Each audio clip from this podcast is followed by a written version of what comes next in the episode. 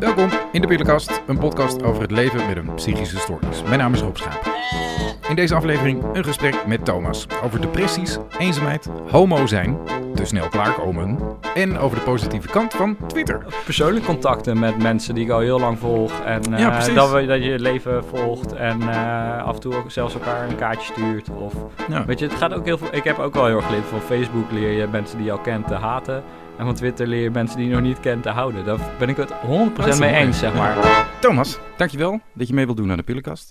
Eh, om maar bij het begin te beginnen, waarom heb je je aangemeld? Eh, ja, goede vraag. Eh, ja, ik ben eigenlijk altijd wel heel open geweest over ehm, mijn psychische kwetsbaarheid. Ik noem het kwetsbaarheid. Van stoornis. hè. Dat is Ja, dat is een verschilletje, is-? Ja, is wel Ja, ja. iets. Ehm, en met name omdat ik dat onder mannen best wel vaak heb gemist, zeg maar. Ik heb toen, eh, ja, best, best wel veel las ik toen ik erover ging zoeken en zo vanuit vrouwen en dat soort dingen. Dus ik wilde zelf graag daarin een lans breken, zeg maar. Of eh, dat past eigenlijk goed bij mij. Eh, dus ik heb er heel lang over geblogd. En toen zag ik dit voorbij komen. Dit jaar heb ik ook, of nu sinds een jaar, luister ik echt superveel podcasts. Ik was er altijd van, nou, dat past niet bij me, saai. Een beetje luisteren. eh, nee, past Saai? Ja, of, eh, ja, dat dacht ik tot een jaar terug. Maar inmiddels ben ik daar wel van teruggekomen. Dat ik, toen, ja, ik was eerst meer van het lezen, maar nu ben ik ook wel echt van het luisteren. Dus, ehm, nou, eigenlijk sinds een jaar luister ik heel veel podcasts. En toen zag ik dit voorbij komen en dacht ik, oh, wat gaaf, wat leuk. Ja, Ja, ja, er zijn niet zoveel mannen hè, die praten over het hebben van een, eh, een psychische kwetsbaarheid. Nou, veel minder. Of dat valt sowieso wel op, altijd in de GGZ ook. eh, het gaat veel meer richting verslaving of richting criminaliteit bij mannen. En bij eh, vrouwen is het veel meer behandeling. Natuurlijk, dit is misschien ook een groot stigma en eh, Nou ja, niet helemaal... eh, Vrouwen en praten over gevoelens, dat... eh, Ja. Ja, daar komen we misschien straks ook nog wel op terug. Want ook in mijn behandeling heb ik groepstherapie gehad. En dat was ook bijna met alleen maar vrouwen. En, eh, Oh ja. ja, En wat heb je eigenlijk voor diagnose? ik, eh, ja, ik was ook nog wel aan het nadenken de afgelopen dagen. Ja, zou ik mijn diagnose nog steeds krijgen nu op dit moment? Maar, ehm, Oh ja? Ja, ja. Nou, mijn- Wat, wat, wat was er aan de hand met jou toen je hem kreeg dan? Was dat een andere situatie dan je nu, waar nou, je nu kijk, zit? bij, eh, ik heb in ieder geval een dysthyme-stoornis. En dat is eigenlijk een wat chronische dep- depressie, wat langere tijd, zeg maar. Hoe ben- zei je dat het heette? Uh. Oké. Eh, Ik ken het niet. Nee, ja. Het is, het is ook niet zo lang en diep als een echte depressie, maar wel dat eigenlijk gewoon dat het glas altijd half leeg is, wat pessimistischer tegen het leven aankijkt. Mhm. Dat zie ik nog wel dat het bij me past, of dat, dat herken ik wel. Daarnaast heb ik een persoonlijkheidsstoornis eh, en ik heb dan niet een persoonlijkheidsstoornis gekregen zoals eh, borderline of iets anders, maar meer NAO, dus niet anderszins omschreven, van je hebt kenmerken uit meerdere stoornissen en dan wel dusdanig dat het je leven dusdanig beïnvloedt dat we zeggen je hebt een persoonlijkheidsstoornis. Zeg maar. Oké, dus wel een stoornis. Nou, dat, die heb ik vijf jaar terug eh, gekregen, zeg maar. Of eh, toen was mijn langste behandeling. En nu ben ik heel erg... Ik was, ben sowieso de laatste tijd nog wel eens aan het nadenken... zou ik die nog steeds wel krijgen? Of zijn een aantal dingen inmiddels wel... eh, eigenlijk niet meer echt van toepassing... dat ik... Ja, dat we het niet meer echt een persoonlijkheidsstoornis kunnen noemen. Maar eigenlijk denk ik ook, ja, zo'n diagnose is ook echt alleen maar belangrijk voor een verzekering. Of... Dus eh, in die zin vind ik, is het ook weer niet heel belangrijk. Maar jij vraagt heel specifiek naar wat is, eh, wat heb je? Ja, dan Ja, nou ja, of waar had je last van toen je die stoornis of toen je de diagnose kreeg? Omdat je nu zegt, nou, misschien zou ik hem nu wel niet meer krijgen. Wat was er toen anders dan nu dan? Ehm, nee, dat is, ik denk dat veel dingen nog steeds wel zo zijn. Dus als ik heel eerlijk naar mezelf in de spiegel kijk, dan heb ik nog steeds wel een persoonlijkheidsstoornis. Maar ik loop daar ook niet mee te strooien, eh, omdat ik denk van, nou, ik vind het ook niet altijd meer heel relevant om, om het een naampje te noemen, zeg maar. Dus eh, ja, Maakt het niet zo uit hoe je Nee. heet. Nee. nee. Wa- Wat, waar, waar heb je last van? Ehm, ik, ja, dus vanuit mijn dyme- dysthymestoornis is best wel gewoon negatieve, eh, eh, negatieve gedachten, negatief zelfbeeld. Mhm. Ehm, en ik denk met name waar ik nu nog last van, heel erg van heb, of sowieso eh, impulsief gedrag. En dat zit met name dan in slecht me, ik denk emotie, slechte emotieregulatie en dan slecht kunnen verdragen van eh, verdriet, boosheid. En dat heel erg dan eh, naar buiten gericht. Maar ik doe het dan heel erg online, dus mijn Twitter feed is ook echt... ja, en niet als een, ehm, zeg maar, iemand die... Maar ik ben, ja, mijn Twitter feed is heel erg van, als ik me negatief voel van, dan doe ik nu de laatste tijd gaat het wel beter, maar van ik moet dood, uh, de wereld is stom. En, en dat twitter je dan ook? Ja, en dan ook dat ik niet aan mensen, want de eerste die dat dan ziet zeggen, oh wat heftig, bel ja, 1 en 3. En ja, ja, zeg maar zo van, nee, maar jij hebt wel relatie en een rijbewijs, je snapt me allemaal niet. En dus iedereen wegduwen ook, zeg maar. Oh, Dus dan ook niet mensen kunnen toelaten daarin. Dus ook mensen die zeggen van, nou, ik, moet ik je ergens bij helpen? denk je, nee hoor. ja, ja dat, dat, dat vond ik heel moeilijk. Of dat is wel een groot probleem altijd geweest, zeg maar. En dat is nog steeds wel eens een worsteling. En ik denk, ik vind mijn grootste probleem wel stemmingswisselingen. Ook als iemand vraagt, gaat, hoe gaat het? En ik zeg goed, dan heb ik de D nog niet uitgesproken of het kan. Mm. Gaat alweer uh, minder, zeg maar. Hoe voel je nu? Het gaat nu best wel, ja, best wel goed. Ja. Ja, pas op hoor, straks aan het eind van de podcast. Nee, uh... dat is niet de bedoeling. Nee, zeker Als je, uh, wat, dus dan heb je een live chart ook, hou je die bij? Ja, een beetje. Maar of ik vul in ieder geval iedere dag voor mezelf uh, in um, mijn stemming. En ik kijk dan ook naar bepaald gedrag van mezelf. Of ik hou dat nu een paar jaar bij. Uh, van, oh, ben ik, heb ik ja, ook wel dit dus heb ik te veel bevestiging gevraagd. Of nee, zulke dingen hou ik dan heel specifiek bij. Echt waar? Ja. Dat is best veel werk om te doen. Ja, nou ja, het is ook wel even fijn om je dag daarbij af te sluiten. ik sluit, sluit ook wel eens over maar dan doe ik een dag later weer even erop terugkijken. Ook wel omdat het soort van helpt om mij te zien van hoe is, uh, hoe gaat het met me en uh, wat doet het? Maar ik ben nu ook weer, weer een beetje, ik ben heel erg met continu zelfreflectie iets te veel bezig zelfs. Soms denk ik. Dus ik ben er nu ook weer een beetje aan herzien, omdat ja, als ik dan te veel kruisjes zet in plaats van krulletjes, of dan word ik hmm. daar ook weer, ga ik er heel erg in mee uh, in negatief, ja, negatieve dingen. Terwijl dat ook juist, ja, moet ik erkennen van oké, dat past nou eenmaal bij je, Thomas. Dat heb je soms. Maar daarnaast is ook nog wel een leven heel goed mogelijk. Met heel veel leuke dingen. En die zijn er ook. Ja. Dus. Eh, maar het is dus wel zo dat wanneer je. Denk je daar ook over na wanneer je hem invult? Voel je hem dan altijd wel heel eerlijk in? Nee, dat is dus ook wel. Het wordt natuurlijk heel erg beïnvloed van. Oh, als het uh, bijvoorbeeld. Zowel, ik hou dan ook lang achter elkaar bij hoe lang het goed gaat, zeg maar. Met dat ik niet een negatief uh, appje of uh, negatief tweet heb gezien. Want dat vind ik wel mijn grootste probleem, zeg maar. En dat doe ik nu drie jaar bijhouden. En ik dacht, ik zat heel erg op een, noem ik dan een streak. Dus ik zat heel erg vorige week op, oh wat gaaf. Mijn langste streak tot nu toe is 29 geweest. En als ik die podcast opneem, dan kan het dus dag zijn dat het 30 wordt. Wow, dit wordt echt leuk. Vind ik leuk om te vertellen. Ja, het is gewoon niet persoonlijk, zeg maar. Ieder, okay, ander, okay, ieder ander denkt zo, ja. Waarom? Omdat 30 is gewoon mooi rond. Nee, maar dan was het mijn langste ooit, zeg maar. Oh, oké. Dus dat was echt een record geweest, zeg maar. Iets van waar ik naartoe streef. Maar eigenlijk had ik zondag, uh, ging er iets mis. En toen heb ik wel een paar berichten gestuurd waarvan ik denk van... Oh nee, dat, dit vind ik niet. Maar dit is ook weer, ja, als ik dit zo vertel, dan denk ik ook, ja, hoe ben je ermee bezig, Thomas? Is dit goed? En, nou ja, uh, je klinkt alsof je er inderdaad wel mee bezig bent. Maar als je het moment op je, dat je zo'n tweet verstuurt dan... Uh, denk je dan niet meteen, oh, wat, wat doe ik nu? Nou, het is vooral... Kijk, tweeten is al, gaat al wel veel... Het, ja, het is vooral ook appen. En nee, het is... Uh, ja, tuurlijk denk ik... Ik denk de volgende dag altijd... Godverdomme, of balen dat het weer mis is gegaan. Of hoe komt dat? En dat is ook wel de reden waarom ik twee maanden of een maand terug toch weer een keer naar mijn therapeut ben gegaan, zeg maar. Om te vragen van, hey shit, we dachten dat we het al afgerond. Maar het gaat nog net iets te vaak uh, niet zoals ik wil. Wel dat ik daarna weer sneller, weet je, het is veel steilere V. Dus eerst was het van, oh, uh, het gaat slecht en dan bleef ik er heel lang in hangen. En dan nu is het, oké, het gaat even zondag mis. Maar nou, maandag, dinsdag, woensdag ging alweer weer goed, zeg maar. Doe, dus... doe je daar iets speciaals voor of gaat het vanzelf? Um, soms gaat het vanzelf, maar het is ook wel heel bewust dus bij, bij stilstaan van... hé, hey, oké, wat zorgt ervoor dat het nu misging? Uh, wat kan ik nu doen? En inderdaad, wat je ook in je vorige podcast al wel hebt verteld van... ja, uh, structuur, wandelen... Uh, ja, het is wonderlijk, hè, structuur. ja, ja, ik kan heel veel doen. Ja. Podcastje luisteren, nou ja, zulke dingen. Dat, dat, dat helpt natuurlijk ook allemaal wel. En waar, neem, als je het wil vertellen hoor, neem, eens, neem eens terug naar die zondag dan. Wat gebeurt er dan waardoor je opeens denkt... Um, nou, ik ga toch die 30 dagen niet halen? Ja, nou, dat dacht ik niet. Want het, oh. dat, dat was achteraf het gevolg waar ik ook stiekem nog wel een beetje verdrietig voor word. Maar, um, nou, kijk, het is dan al van... Uh, ik heb slecht geslapen, ben moe. Ik sta vroeg op om uh, naar mijn beste vriend te gaan. Ik stap in een verkeerde trein...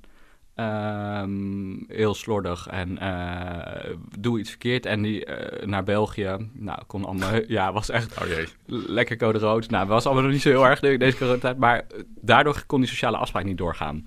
En sowieso is wel een van de dingen waar ik last van heb, is eenzaamheid. Uh, En eh, dus ik baalde gewoon heel erg. Ik keek heel erg naar uit naar die sociale afspraak. En eh, dat kon niet doorgaan. En eh, ja, dat brak bij mij gewoon even van en moeheid. En dat ik even zo van, oh, niemand begrijpt me. En eh, eh, ja, kut, kut, kut. En, Ja. dan ging het even weer mis, zeg maar. ja. En is dat, is dat puur eenzaamheid? Waar je dat aan wijt?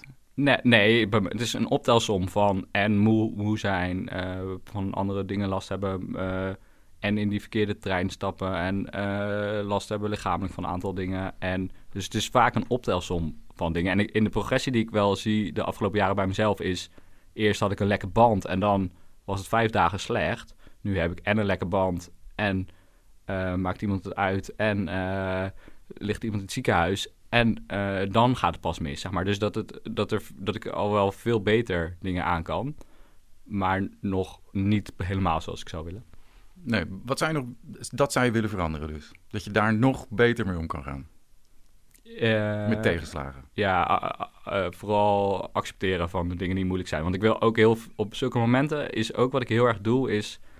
eh, dingen die er niks mee te maken hebben, er heel erg bij gaan halen. Zeg maar. Zoals bijvoorbeeld dat ik nog mijn rijbewijs niet heb gehaald. Of dat ik Als je bijvoorbeeld de trein mist, dat je denkt, waarom heb ik geen auto? En Ja, dan had ik er, ja, was precies. ik er wel Dan, geweest. dan was ik er wel geweest. Dat Ja. ik dat heel erg, terwijl dat, ja, dat heeft ook niet zoveel zin om te denken, zeg maar. Maar dat is wel heel erg wat gebeurt. En wat ik dan ook dus heel erg wil, ook, weet je, op Twitter weet iedereen inmiddels die me al heel lang volgt, wel al heel lang dat ik mijn rijbewijs niet heb. En toch, als het dan weer misgaat, dan moet ik heel dat rijtje weer halen. Van, nou, Thomas heeft nog nooit een relatie gehad, heeft nog geen rijbewijs. Allemaal zulke dingen, zeg maar. Terwijl dat... En hoe ga je dat in je hoofd tegen? Want je weet inmiddels dat dat, eh, dat, dat niet goed is voor je, dat soort Nee, gedachten. nou ja, dus dat, daar dacht ik altijd van. Van, oh, dat hou ik tegen hier hierdoor. Maar dat gaat allemaal dus nog niet altijd goed. Dus daarom ja, heb ik ook weer de stap genomen om daar... Om daar, te gaan, ja, ja. om daar professionele hulp bij te zoeken. Eh, dus ja, En als wat ik- zegt zo'n therapeut dan? Als je zegt, ik zou dit soort dingen wel willen, willen veranderen, hoe moet ik dat doen? Nou, die zegt van, nou, dat gaat je heel lang, heel veel tijd en heel Oh, veel ja. geld kosten. Nee. nee, nou, de, zeg maar, eh, misschien, dit komt ook wel... Ik heb eh, vijf jaar terug negen maanden lang in een eh, kliniek gezeten. Of, nou... Negen maanden lang? Ja, maar ik mocht wel thuis slapen, dus het was eigenlijk... Maar het was wel vijf dagen per week therapie.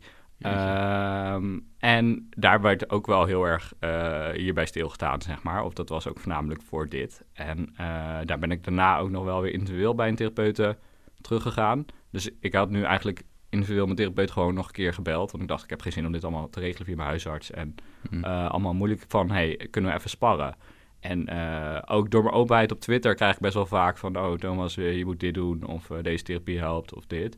Dus iedereen... dus ik had een lijstje van vijf dingen die tegen me waren genoemd... van therapieën of mogelijkheden van, waar mensen aan dachten. En ik had zelf ook wel een beetje uit... Dus een soort van... Maar ik dacht, ja, ik wilde even over sparren met wat mijn therapeute denkt. Want die kennen me nog veel beter dan alle mensen op Twitter. Want ook al zet ik er heel veel op...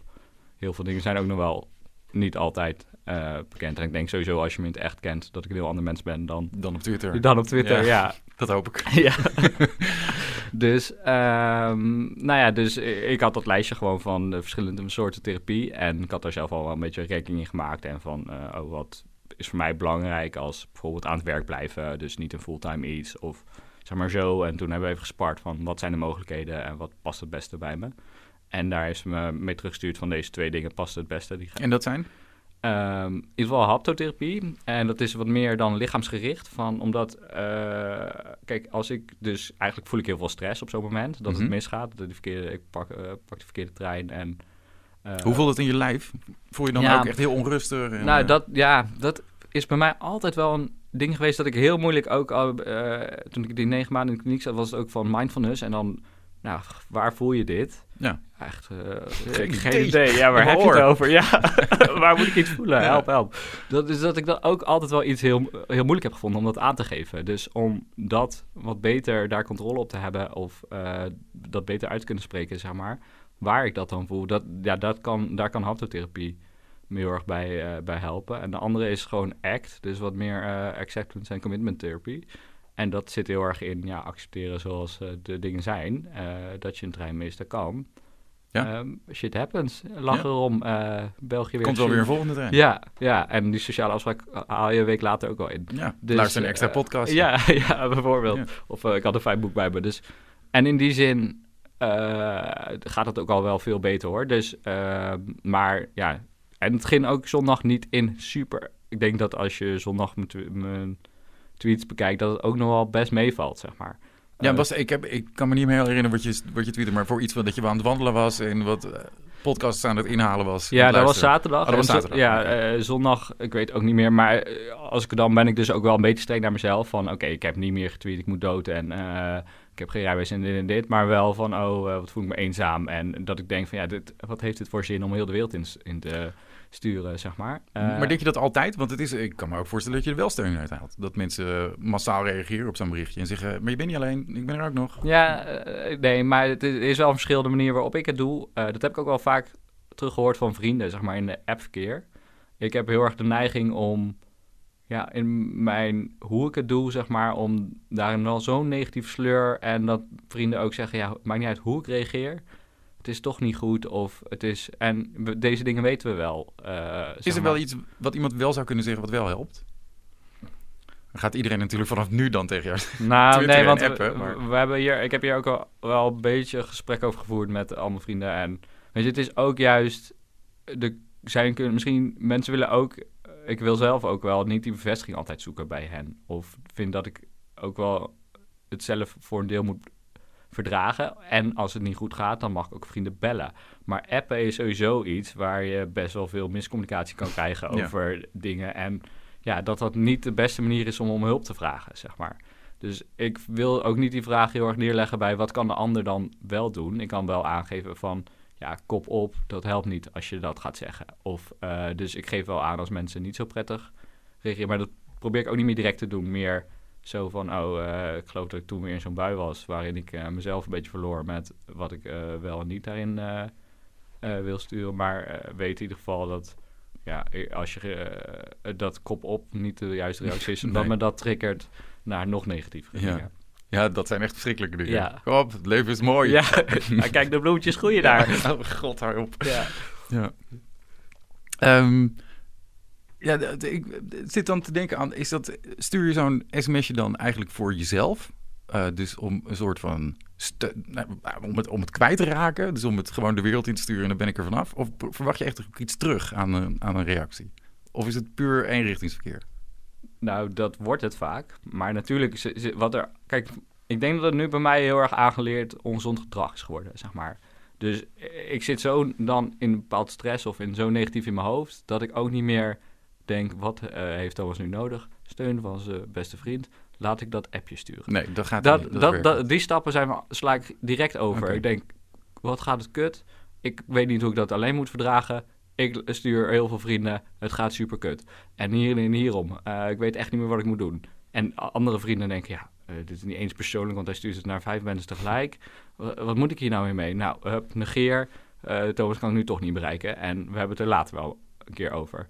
Dus er worden heel veel stappen in gezond uh, of hoe ik zou willen handelen daarin best wel overgeslagen, zeg maar. Dus uh, en het, dat gaat, het gaat wel echt steeds vaker goed hoor. Dat ga ik heel vaak herhalen. Want dan nee, nee, dat is ook wel nee, goed om te zeggen. Ja, dat het nee, dus ik zie ook echt wel verschillen in hoe ik dat vijf, en dat zeggen vrienden ook wel, vijf jaar terug deed. Maar nog steeds denk ik dat er wel iets van groei mogelijk is daarin. Um, en uh, even helemaal terug naar die, die vijf jaar geleden, toen het dus wel wat, uh, wat slechter ging. Toen had je ook therapie. Ja, ja toen zat ik dus die negen maanden dagelijks ja. uh, in... hoe was dat?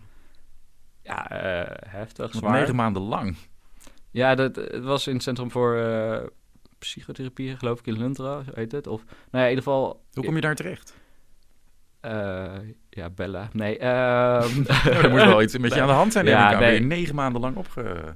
Nee, niet opgenomen. Was het nee, nee, niet, nee. heet niet opgenomen? Hè? Nee, nee, er zaten wel veel mensen opgenomen, of klinisch dan. En ik zat dagklinisch, want ik uh, had wel stabiele uh, thuissituatie. Of ik, en ik zorgde gewoon goed voor mezelf, kon voor mezelf koken. En nou, al die dingen gingen nog wel oké. Okay, dus ik zei ook van, nou, voor mij is het belangrijk. En ik uh, heb nog sport, dat ik gewoon dan kan doen in de avond. Ja, als, volgens mij helpt het niet per se als ik hier klinisch ga zitten. Dus ik, uh, als, nou, en toen kreeg ik ook het advies, je mag dagklinisch, maar wel voor die vijfdaagse. ja, natuurlijk vond ik dat super heftig. Want ik kwam wel uit de situatie waarin ik werkte nog. Ehm, alleen, nou, in het werk ging het, niet, ging het best wel slecht met me vaak. Of ik kwam wel vaak te laat. Ik, eh, had, ik was gewoon best wel veel... Ik ging wel echt richting een depressie, zeg maar. En, eh, en er was wel... En dit gedrag speelde ook al wel langer een rol van slechte emotieregulatie, slecht dingen kunnen verdragen, heel slecht omgaan met teleurstelling. Uh, ja, dat, dat, dat ook wel problemen gaf. Ook, en op werk was ik dan nog vaak, probeerde ik wel de schone schijn uh, te houden richting collega's, waardoor mijn naaste uh, vrienden en familie er nog meer last van hadden eigenlijk. Hm, want dat kwam ja. pas nadat je weer, ja, want dan, klaar was. dan deed ik dat ja. masker af en dan... Klinkt bekend. Ja, ja. ja. dus in die zin... Um, en ik liep toen wel individueel ook in therapie. En dat hadden we al opgehoogd van één uh, sessie per week naar twee sessies per week. Maar eigenlijk bleef het met zowel mijn gedrag als met me, hoe ik me voelde en mijn stemmingen gewoon niet goed gaan. En, um, en dan hebben we het echt over depressief gedrag. Dus negatieve gedachten. Ja, heel continu. Ja, of nou wel, wel vaak. Maar, maar en ook wel dit gedrag. Dus ook wel gewoon heel veel. Uh, ja, zeg ik moet dood en niemand begrijpt me. En. Uh, uh, ja, je hebt wel relatie, dus je snapt me toch niet. En allemaal heel vergelijken ook met anderen. Dat, doe ik dat is ook wel echt een probleem wat ik aan, mijn jeugd heb uh, opgelopen, zeg maar. En uh, dus in die zin, ja, liep ik gewoon vast. En was, ging eigenlijk ook een beetje tegelijkertijd met de reorganisatie op bij mijn werk destijds. En um, ja, daardoor kon eigenlijk, was er een reorganisatie gaande en moest iedereen solliciteren op zijn eigen baan. Uh, en ik... Uh, Leuk voor de stress. ja, was heel veel stress inderdaad. En ik had daar niet heel veel last, maar wel wist ik van... oh ja, maar er wacht ook nog een wel langere behandeling op me. Dus ik kon ook niet mee toen uh, in de... Of eigenlijk zei mijn werkgever ook... ja, ik zie jouw kwaliteiten en alles wel, Thomas. Maar ja, de manier waarop het de laatste tijd gaat... denk ik dat je echt nog wat groters... of dat je echt in jezelf moet investeren. Oh ja? Ja. Oh, shocking. Is er iemand dat tegen je zegt? Je baas. Ja, maar ik had best wel goede relatie met mijn baas. Dus eigenlijk was dat ook wel wat ik op dat moment nodig had, denk ik. Of uh, was denk ik wel... Ja, dat was ook wel gewoon een spiegel. En, Voelde je dat ook wel een beetje aankomen? Ja, ja ik dacht zelf ook van... Ik kwam uh, eerst om uh, in plaats van negen om half tien... en nu kom ik steeds vaker om half elf. Oh, en ja. dan zit ik de hele dag een beetje op mijn mobiel. En wat deed krijg... je voor werk? Um, ik was uh, beleidsmedewerker bij uh, gemeente. Okay. Als uh, rondom participatiewet. of ik was eigenlijk meer projectmedewerker do, toen, denk ik. Want ik ben afgestudeerd tijdens de vorige economische crisis. En met bedrijfskunde en de master marketing. En ik dacht toen, nou, ik ga bedrijfsleven in. Maar ja, 5000 studenten op één baan, zeg maar allemaal. Dus ik, dat liep allemaal niet zo lekker. En toen na een half jaar was had ik ook mijn spaargeld opgepeuzeld. Dus toen klopte ik eigenlijk aan voor een uitkering bij de gemeente. En toen zei de gemeente best wel snel, nou, maar uh, kan toch wel iets uh, als bedrijfskundige. We zoeken eigenlijk een bedrijfskundige voor een samenwerkingsverband van uh, zeven verschillende gemeentes. kan je daarvoor 500 euro in de maand, hè? Dus doe je afstand van je uitkering. Gewoon leuk voor zes maanden dat komen doen. Toen dacht ik, ja, 500 euro in de maand, hoe kom ik dan rond? Maar ja, toen dacht ik, nou, daar heb ik in ieder geval wel uh, iets, van, uh, iets om handen. Dus ik heb wel ja. ja. gezegd. En uiteindelijk leverde dat ook wel, dat ik daar kon blijven, uh, wel als betaalde baan op, zeg maar. maar dat klinkt als een mooie baan. Ja, was ook echt heel leuk om te doen. En paste ook wel heel goed. maar het was ook wel een tijd waarin ik nog niet al mijn dingen uit de jeugd en allerlei dingen echt goed had verwerkt en goed had opgelost. Dus waarin ook wel ja, nog bepaalde punch op de i uh, in behandelingen. Of nou, eigenlijk punch op de i, gewoon waarin echt wel een goede behandeling nodig was voor mij. Om uh, wel stabieler verder te kunnen. Je, je, hebt nou een paar keer zei al je jeugd. Heb je, uh, zeg maar op het moment dat jouw baas tegen jou zei van... nou, misschien moet je eens wat hulp gaan zoeken. Had je dat al eerder gedaan dan? Voor die tijd? Of was dat voor jou een soort van van... nou, nou moet ik misschien maar eens doen? Nou, ik denk... ja, ik had wel... Ik ben wel naar studentenpsycholoog gegaan, zeg maar. Maar ik herkende ook wel wat Anne daarover zei. Dat ik nooit heel erg heb doorgepakt, zeg maar. Ja. Dus ik ging... Uh... Dus er was wel iets, maar... En je vond het wel vervelend, maar het ook weer niet zo vervelend. Ja, dat je ik, dacht, ik moet er per se nu iets aan doen. Ik werd eerst lijst doorverwezen en toen deden we uh, tien sessies over wat assertiever, assertiever worden. Nou, hadden we dat gedaan. Hm. Maar het was eigenlijk helemaal niet het probleem natuurlijk assertiever worden. En als ik heel eerlijk ben, wist ik dat al wel. Maar ja, prima. Als Ja. de psycholoog daar niet doorheen prikt, Ja. dan... het Dan niet, hè? Ja, dan niet. Ja. Ga ik wel weer verder. En tijdens mijn studententijd ja, kon ik ook wel een beetje duiken, zeg maar. Dus eh, weet je, ik heb over mijn studie van vier jaar, 7,5 jaar gedaan. Onder meer omdat ja, ook wel veel bestuursdingen gedaan. Maar ook wel dingetjes ja, waarin ik gewoon eh, een slechte dag had. Nou, komt het morgen wel weer. Weet je, dus er was niet zoveel druk. En toen ik ging werken, toen ik die baan had... Oh, ik moet iedere dag er wel staan, vijf dagen in de week. Ja. En structuur is heel, heel fijn en heel goed. Maar ja, als je, dat, als je zelf nog niet alle knoppen die kant op- hebt staan dat je dat kunt... Ja, dan eh, kan het ook wel flink lastig zijn. Dus En- in je studententijd had je eigenlijk de ruimte om daar, om daar af en toe gewoon wat, wat makkelijker mee om te gaan. ja. Ja. Ja. eigenlijk wel. Ja, en toen ging je dus werken en toen zei, toen zei je baas, nou, ga maar eens gewoon hulp zoeken. Ja, nou, of ik liep toen eigenlijk, of toen had ik al wel hulp, zeg maar. Ik ben wel, ik, ik, ik liep toen al wel individueel bij een therapeut. Eh, ook omdat ik zelf wel wist, oké, die, eh, die, die assertiviteit en wat ik in mijn studententijd allemaal heb gedaan, dat is niet voldoende. Ik heb wel meer nodig. Dus ik ging toen wel naar een individuele, of doorverwijzing vanuit, de- huisarts. En toen eh, individueel naar therapeut. En dat liep, daar liep ik eigenlijk al wekelijks twee jaar lang. En dat ging over je depressie? Of ging dat ook over je persoonlijkheid? Nee, dat ging wel echt over persoonlijkheid. Zeg maar over dingen, die, eh, hoe ik eh, mijn emoties reguleer, hoe ik mij, hoe ik verdra- eh, teleurstellingen omga, verdraag. voornamelijk zulke dingen, zeg maar.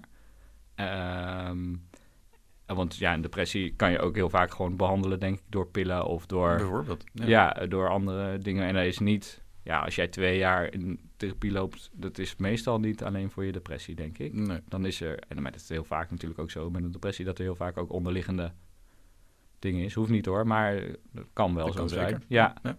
Eh, dus daar was ik toen voor in, eh, in, in behandeling. En toen, nou dat werden één sessies per week, eh, van naar twee sessies per week.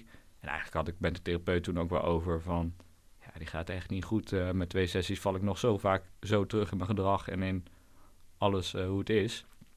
Ehm, ja, wat eh, zijn nog mogelijkheden? En toen hebben we samen bekeken naar mogelijkheden.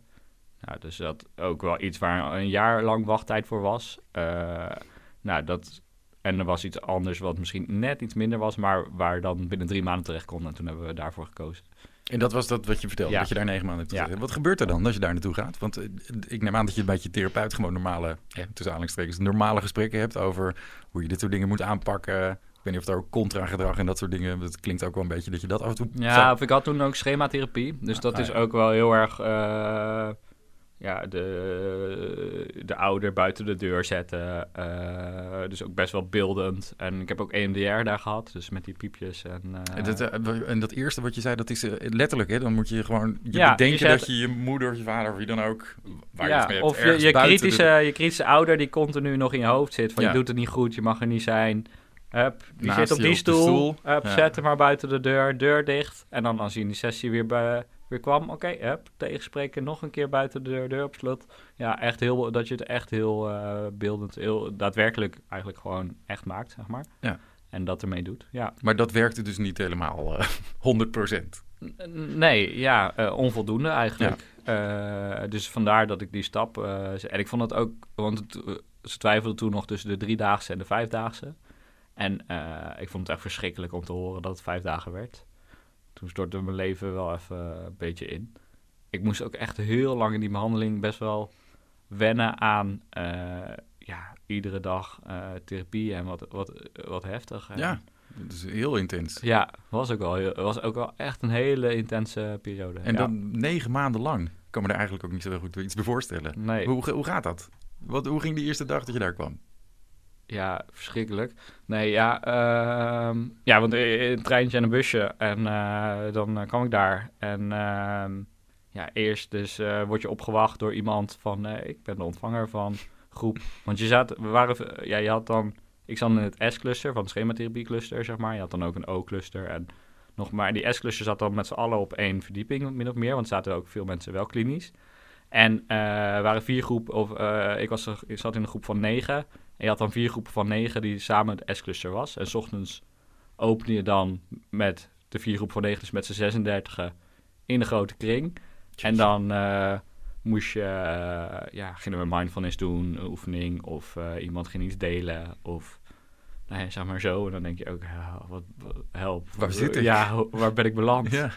En toen hadden we ook gelijk... Ik had ook best wel een heftige eerste dag, want ik kwam in een groep van alleen maar vrouwen. En eh een eh, vrouw had een seksueel trauma meegemaakt. En die vond het heel eng dat er een man in de groep kwam. Ah, god. Eh, dus dat, werd, dat, dat leverde gelijk heel veel spanning op, zeg maar. Terwijl het een van mijn problemen was ook me niet gezien voelen. Ja, dat werd natuurlijk super getriggerd, want ik kwam en het was... en ja, uiteindelijk achteraf kan ik ook zeggen dat is niet lekker opgelost. Want ik moest met mijn rug naar de rest van de groep zitten. En allemaal zulke dingen, zeg maar, ja. Dus, eh, ja, maar goed, weet je... Dat is je eerste dag. Ja, dat was mijn eerste dag echt één uur binnen. Dus ik dacht toen ook echt, oh, wat ga ik hier doen? En eh, hoe gaat het me dit helpen? En ja, dat gevoel is ook wel soms wel een beetje gebleven. Als mensen nu vragen, zou je die behandeling andere, zou je die nog een keer doen? Of zou, eh, iemand anders met dezelfde problematiek, zou je die aanraden? Dan moet ik altijd heel goed nadenken. En dan zeg ik, ja, weet je, ik heb uiteindelijk wel heel veel dingen uit kunnen halen. Maar ik vraag me ook nog wel eens af, was die behandeling van negen maanden nou echt zo passend? En was dat de enige manier? Maar dat weet je nooit, dus het heeft ook niet zoveel zin om die vraag te stellen natuurlijk. Nee. Maar ehm, ja, het was... En ik, vond, vind groepstherapie sowieso ook wel heel heftig, want je gaat ook wel... Ja, eh, heel veel dingen van anderen eh, op, eh, ja, daar wil je helpen of op, jezelf, ja, op jezelf betrekken Ja. of, of aantrekken. Dus ja, ik vond dat... En het was dan een groep van negen waarvan iedereen, in iedereen deed het negen maanden. Dus er was in een uitstroom, zeg maar. En, Dus dan eh, hadden er een paar mensen die hadden de negen maanden erop zitten. En die ja, of na één maand, eh, iemand waarmee ik heel goed kon, die was binnen één maand klaar, zeg maar. Oké. Eh, dus ja, dat is... en dan is maar weer afwachten, weer... Weet je, en als je acht maanden zit, dan was je ook op een gegeven moment wel weer klaar met weer een nieuwe die een beetje, die het ook eng vindt en moeilijk. Weet je, ja, ja, dat, ja, zo gaan die dingen ook. Maar dat Eh. was die, die, die, die eerste dag. Dat heb je dat, dat, dat uur gehad? Ja. Die mindfulness. En dan, hoe ziet de rest van zo'n dag ziet er, Ja, hoe je- ziet die eruit? Je had gewoon een weekschema. En eh, we hadden dan heel veel soorten therapie. Dus PMT, eh, postmotorische therapie. Ehm, Dat is iets met een beetje balanceren ook. eh, Ja. heb er al iets van Nou, het is eh, een beetje gimmen. Maar dan, Oh. ja, ik leg het heel plat en si- simpel uit. Maar, en dan met name dan eh, over ruimte in durven nemen. Of een oefening met in de spiegel durven kijken. En, of gewoon sporten. En dan kijken wa- hoe dat doet in de groep. Er zitten toch best wel veel mensen met... Of ja, er zaten allemaal mensen met psychische klachten. Dus dat, als je die allemaal bij elkaar zet, dan gebeurt er ook heel veel. Ja. Maar ja, weet je, ik heb ook wel Het is dingen ook niet heel gezellig af en toe. Nou, wel soms. Maar soms werd ik ook wel... En dat is ook wel... eh, weet je, ik wilde mezelf absoluut niet boven de groep zetten. Maar ik dacht soms wel... Ja, jongens, we kunnen toch gewoon even een uurtje sporten. Hoe moeilijk is dit? Weet je... eh, dat lukte er een hele nou ja, dat was... Dat triggerde soms... Dan waren er weer twee mensen ook aan het... Kijk, ik wil nu ook niet mensen die vroeger bij een groep hebben zitten... die nu deze podcast luisteren en denken... Oh, Molotov Wat zegt hij nou Ja, over? Molotov cocktails naar Thomas naar binnen. Maar... Die krijg je op je social media achter je aan. ja, dat wil ik ook niet. Maar dus ja, eh, ik, heb daar ook wel heel erg geworsteld met, met mezelf en met eh, dingen. En, nou ja, dus PMT hadden we dan, we hadden ook ehm, eh, tekenen en zo, hoe heet het, beeldende therapie. Ehm, tuintherapie, want er zat een heel grote tuin bij, dus bezig zijn in de tuin. Eh, Voel je dan niet, eh, sorry dat ik je onderbreek hoor, maar voel je dan niet ook een beetje suf? Als je daar een beetje de tuin aan het doen bent. Ja. Je eh, je Ja. master en je hebt interessant werk gedaan. Nou, en opeens ja. zit je daar en dan moet je de tuin Ja, en ook best wel veel mensen in mijn groep hadden nog nooit gewerkt of kwamen niet uit werksituaties. Dus ik heb ook wel soms de vraag gesteld, ja, passen, is dit nou wel echt zo passend? Hoezo hebben ze mij hier gematcht? Ja. Maar ja, dat is dan, was dan, en nou, het leuke is een behandeling is ook, ja, Thomas, waarom stel je zelf die vragen? Waarom vind je dat belangrijk? Hmm. En eh, dus het was ja, continu bij alles, stel jezelf nu boven de groep. En eh, zulke dingen was dan ook wel, dus dat heb ik mezelf ook wel deels afgeleerd van, nou, maar Thomas, ook los van of ze nou van werk komen of niet, eh, je loopt gewoon vast in je leven en het gaat nog echt heel vaak mis. Dus neem jezelf serieus en maak hier het beste van. En de ene therapie zal voor de ene beter werken dan voor de andere. Maar ja, probeer er maar het beste van te maken. Zo heb ik er ook wel op een gegeven moment wel die knop om kunnen zetten. Ja, nou, Want je, dat- ik, kan me ook voor, nou ja, ik kan me ook voorstellen dat je daar zit en dat je denkt, nou, ik, ik ben hier echt niet op mijn plek. Ik hoor je helemaal niet tussen. Nee, nou, dat heb ik ook wel vaak gedacht. Maar ja, weet je, uiteindelijk... Ik zat op mijn werk ook niet op mijn plek eh, happy eh, en ging goed. Dus ja, dan... Weet je, en ik denk ook als je me vier jaar gelijk toen ik uit dat centrum kwam... of uit die behandeling en deze podcast had op, opgenomen... dan had ik misschien ook niet dit zo gezegd. Word je er positiever over geweest, denk je? Nee, Negatiever? negatiever denk Echt waar? ik. Ah. Ja. Oh, eh, ehm, ja, of weet je, heel wisselend. Maar uiteindelijk is het ook een soort van... Ja, hier ik heb het negen maanden gedaan, dus ik ga toch wel lullen dat ik het niet voor niks heb gedaan. Het is ook zijn zonde geweest. Ja, Ja. en ik heb er ook uiteindelijk wel veel geleerd. En dat Maar- lijkt me wel in negen maanden tijd. Ja. Ja, maar goed, je bent ook wel heel veel bezig met anderen ehm, in die negen maanden. Wat zijn dingen die je daar geleerd hebt, die je nog steeds gebruikt? Nou, ik denk ook wel eh, veel meer loslaten. Dat, dat met name. Dus ook eh, als er onzekerheid is over eh, werk of over iets, dan denk ik, ja, het is maar werk, jongens. Dus ik maak, ik, natuurlijk maak ik me nog, kan ik me nog wel eens druk maken en heb ik wel eens stress om werk. Maar ik kan me ook wel heel snel weer teruggrijpen naar, oh, weet je, uiteindelijk komt het altijd, altijd allemaal wel weer goed, zeg maar. Ja. En, Dat zijn eh, belangrijke dingen om eh, Ja, in je achterhoofd te houden. Jawel, maar aan de andere kant, waar we het er straks over hadden, op zo'n zondag dat ik de verkeerde trein pak, dan Werkt is- niet. zeg ik, is het toch ook niet dat stemmetje, Thomas is maar een trein, komt wel weer goed. Denk je dat je dat ooit lukt? Ehm, niet volledig, weet je. Ook zoals je bij Ruben in die podcast, eh, dat hij, oh wat fijn, eh, een, een eh, buste of een vrachtwagen laten uit om kwart over zes 's ochtends. Oh, nu ben ik dankbaar voor dit. Ja. Nou, nee, dan Nee, kots ik liever in de emmertje, zeg maar. Nee, dan ga ik echt... En dat wil ik ook niet eens worden, zeg maar. Want ik vind het soms ook gewoon wel lekker om blergen. Af te geven Ja, kutvrachtwagen. Ja. niet hier. Zes uur ochtends. Ja, jongens, doe even normaal. Normaal. Ja. Dat is niet, helemaal, Ja, ben ik dus- helemaal niet dankbaar nee, voor. Nee, ga ik ook nooit dankbaar voor zijn. Maar ik kan wel dan niet meer dan daar onwijs in blijven hangen. En ik heb altijd die vrachtwagen om zes uur. Dat, dat, ik denk dat ik dat wel redelijk heb afgeleerd. Dat ik niet meer, dat ik beter in staat ben om het negatieve los te laten en er niet meer zo in te blijven hangen. Wat, eh, je hebt nou een paar keer gezegd, je jeugd. Was die zo vervelend? Ja, ik was ook heel erg aan het nadenken van, goh... eh, Hoe ga ik dat nou ja, weer uitleggen? Ja, en wat wil ik daar in de podcast ook over zeggen? Ja, precies. Eh, je hoeft als je het niet wil vertellen, nee, dan eh, wie eh, kent de regel, dan hoef je het niet te vertellen. Nee, ik, eh, als ik dat een paar keer noem, dan is het ook wel... eh, nee, ik denk dat... Ik vind me... Als, als mensen vragen, wat vind je de leukste tijd van je leven? Dan is het eh, wel mijn basisschool eh, geweest. Of daar was ik eigenlijk nog... Had ik wel best wel wat vriendjes en was ik best wel geliefd. En ook al speelde toen ook thuis wel een paar dingetjes. Maar eigenlijk was dat wel echt een hele leuke tijd. Totdat ik naar de middelbare school ging. Toen ook al mijn vriendjes gingen naar een andere school. En eigenlijk was een van de moeilijkste dingen daar ook wel in dat ik eh, kreeg gevoelens voor jongens in plaats van voor meisjes. En mijn ouders waren wel een beetje christelijk. We gingen wel niet naar een hele christelijke school. Maar ik kan me nog heel goed herinneren dat toen ik 14 was en langzaam dat aan het ontdekken was, dat mijn pa zei toen die twee mannen hand in hand zag lopen. Zo worden jullie niet later, hè? Tegen mij en mijn zus.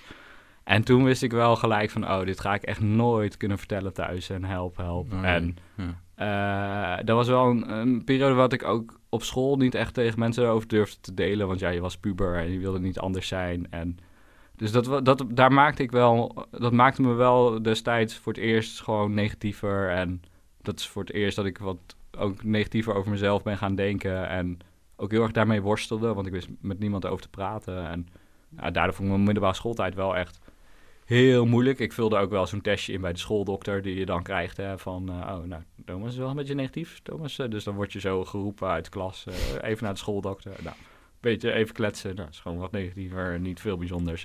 En daar heb je ook nooit dat soort dingen aangegeven? Van ik, ik val op jongens, ik voel me Mm. een beetje vervelend Nee. over dat ik dat niet kwijt kan. Nee, want ik, ik, ik vond mijn mentor, die vond ik niet heel persoonlijk betrokken. Had ik geen klik mee, dus En vrienden, er waren ook geen mensen in je omgeving die, die ook homoseksueel waren? Nee, Nee. niet eh, op de middelbare school toen. Nee, nee. Wel toen ik wegging natuurlijk van school. Toen was heel de school. Maar nee, eh, nee, nee, dat was... eh, nee, nee, dus dat was eigenlijk wel heel naar. En eigenlijk ging dat ook nog mis toen ik eh 16 was en eh, hormonen en alles en eh, bepaalde sites thuis eh, bezocht. En eh, mijn ouders kwamen erachter en eh, die verboden me om op internet te gaan. En, eh, je bedoelt uh, porno-site? ja, ja, ja. ja, ik denk, het even. nou, maar ik zat, ook wel, wat, maar- ik, ja, ik zat ook wel op een internetforum nog voor eh, jongeren om er een beetje, eh, ja, eh, lotgenoten, om het maar zo even te zeggen, eh, Mhm. te ontmoeten. Maar ook die porno-sites eh, ook, werden ook wel eh, ontdekt door mijn ouders. Want ik had geen eigen computer en ik was niet zo goed in de Oh, ja. geschiedenis wissen. dus, eh, of niet onvoldoende. Dus, en ja, daar werd niet om gelachen. Maar weet je, ik weet nog heel goed dat moment dat ik boven gewoon SO aan het leren was. En mijn ouders zaten beneden. En die zeiden, Thomas, wil je even beneden komen? Dus ik dacht, nou, pompie dompie dom. of even naar beneden, geen idee wat er is. En toen zaten ze daar echt heel serieus. Eh, en eh, ja, wat is dit? Wat betekent dit? En ehm, ja, ik was toen ook nog niet zo ver dat ik met mijn eigen... Weet je, ik deed dingen achter de computer en dan was, sloot ik het af. En dan was, was ik gewoon, dan was er weer de hetero bewijs van. Omdat ik ook geen voorbeelden had of ik wist daar ook gewoon zo weinig over. Dus het was ook iets wat... Voor jou ook een geheim. Het Nou, leven, ik, noemde, van. ik noemde mezelf ook nog gewoon nog lang niet. Oké, dus ik, eh, ik kijk op pornosites naar mannen, dus ik zal wel homoseksueel zijn. Dat, dat was een stap dat echt veel verder ging. Hm. Eh, dus ik wist echt niet toen mijn ouders me daarmee confronteerden wat ik moest zeggen. En, Wat eh, heb je gezegd dan? ja, misschien ben ik bi, ik weet het echt niet. Nee. En, maar mijn moeder moest ook gelijk eh, huilen. Mijn vader zei nog iets over aids. En ja, het was echt meest verschrikkelijke... Ja, het was echt heel verschrikkelijk, zeg maar. En eh, ik mocht voorlopig niet op internet. Nou ja, dat als puber... eh, terwijl eh, internet was toen toch al wel een ding met allemaal op MSN en weet Mhm. ik veel allemaal wat. Ja, dat was wel echt... Mijn wereld stortte in, zeg maar. En ik wist mijn god niet hoe ik dat gesprek nog verder moest voeren met mijn ouders daarover. Dus het werd ook in de maanden daarna heel erg doodgezwegen. Ja, daarmee was het natuurlijk niet weg. Nee, Ehm, en ik, integendeel denk ik. ja, en dus ik ben het toen wel ook vrienden gaan vertellen, maar die hebben het ook weer half ontdekt omdat ik op dat forum zat in de bibliotheek van school, zeg maar. Dus mijn coming out voelt ook heel erg als, oh ja, iedereen is er maar achter gekomen in plaats van dat ik er eh, zelf voor heb gekozen op een mooi moment en eh, dat het daarna allemaal beter is geworden, zeg maar. Eh, toen vrienden van jou erachter kwamen, hoe reageerden die daarop dan? De meeste wel best wel goed. Ja, dat was Dat wel, eh, ja. En ook mijn zus was natuurlijk wel, eh, ik heb twee oudere zus, die woonde destijds niet meer thuis. Die was al aan het studeren in Groningen. Maar eh, die was ook wel ondersteunend of die probeerde heel erg te middelen tussen mij en mijn ouders, zeg maar. En ehm, ja, op, mijn vrienden waren wel, ik had, maar ik had ook, doordat ik die worsteling had op school, ik had ook niet superveel vrienden op school. Dus is daar die eenzaamheid ook een beetje vandaan gekomen? Ja, dat denk ik wel. Of ik herken die wel het meest ook van mijn middelbare schooltijd. Ja, Daar kan ik me wel iets bij voorstellen, ja. En heb jij het uiteindelijk wel gewoon verteld tegen jou, dus als een soort coming out? Van nou, we hebben het er al een paar keer over gehad, tussen de regels door. Maar zo zit het. nee. Ehm, nee, kijk, we- het strandde heel snel. En ik denk misschien ook wel doordat ik eh, me daar niet, door hoe dat eerste gesprek is gegaan, best wel snel in ruzie, zeg maar. Eh, ook toen mijn ouders er wel meer open over gingen staan van... Oh, vertel eens wat meer dan nu je homofiel bent. En ik vind homofilie ook echt het meest verschrikkelijke woord, zeg maar. dus ik was dan, zat dan gelijk op de kast. Kun je niet gewoon homo zeggen of niet eh, je valt op mannen of... eh, ja, en nu, waarom maak je er maar weer een semantische discussie van? Dus dan zaten we gelijk alweer recht tegenover elkaar... dat we daar niet het goede gesprek over konden voeren, zeg maar. Dus ik ben toen wel ook naar een praatgroep gegaan... voor eh, andere jongeren die eh, eh, zaten in de ontdekkingstocht van hun coming-out. Het was, eh, ik woonde destijds in Ede en dat zat in Wageningen. Dus ik ging, en ik zei dan tegen mijn ouders dat ik gewoon naar iemand ging of iets ging doen. Dus ik heb daar, daar, ben daar nooit eerlijk over geweest, zeg maar. Ik weet niet, misschien horen ze het ook voor het eerst nu ze de, pod, als ja, ze dat podcast... weten eh, ze, dat weten ze ik ook heb nog het daar nooit heel erg over gehad. Misschien heb ik dit wel een keer genoemd. En ik ben ook op een kamp geweest. Ja, het is echt... Als ik dit vertel, klinkt het echt... Maar je hebt ook een kamp, eh het Hoyo-kamp. Een homokamp? Nee, een hojo-kamp, een uh, homo-jongerenkamp. En dat is wel, maar weet je, het is echt wel heel fijn om dan eindelijk te weten van... hé, hey, je bent niet meer helemaal alleen. En er zijn ook andere mensen met zulke gevoelens, zeg maar. Of... Dus in die zin was dat wel heel prettig. Maar het was nog steeds ook wel dingen waar ik... eh, wat ik heel moeilijk vond om aan mijn ouders te vertellen. Ook al denk ik dat ze destijds er wel meer op, voor open stonden...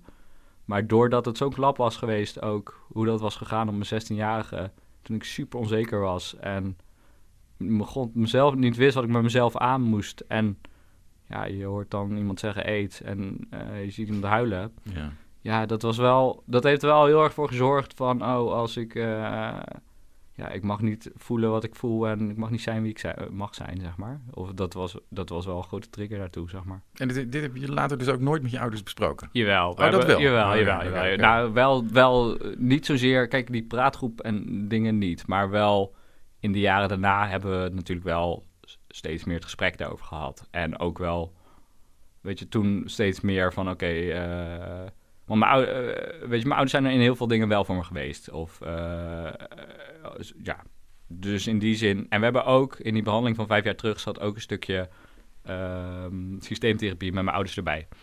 Eh, dus daar hebben we ook eh gesprek gevoerd met, me, ik, eh, met mijn ouders samen. En, of ik met mijn moeder alleen, ik met mijn pa alleen, ik met mijn zus alleen. Dus dat is, was ook wel heel fijn. En sindsdien is onze relatie ook wel ja, beter. Ja, door te praten. Ja. Ja. Ehm, is, dit, is dat ook de periode? Want ik kan me dat zo voorstellen als je je heel eenzaam voelt. Eh, je ouders begrijpen je niet helemaal waar je mee zit in, op dat moment in je leven. Eh, is, is, is daar ook de depressie een beetje ingeslopen Ja, vanaf dat moment? Kijk, dit speelde en eh, door dit haalde ik ook heel veel zesjes en vijfjes op school. En het was ook best wel prestatiegericht thuis. En mijn zus haalde echt alleen maar achtjes en negens. Dus ik werd ook best wel veel voor mijn gevoel altijd vergeleken met mijn zus. Ehm, mijn zus die had ook geen puberteit of zo. Dus die pakte ook gewoon thuis de stofzuiger en ging leuk schoonmaken en zo. Ja, ik hou heel veel van mijn zus. Maar eh, het is ook wel echt als je puber bent. En ja, ik dacht... en, jij wil dat allemaal wel, jij wil wel puberen. En je Nou ja, ik wilde niet. Ja, ik dacht, waarom ga je in hemelsnaam eh, uit jezelf schoonmaken? Doe even normaal.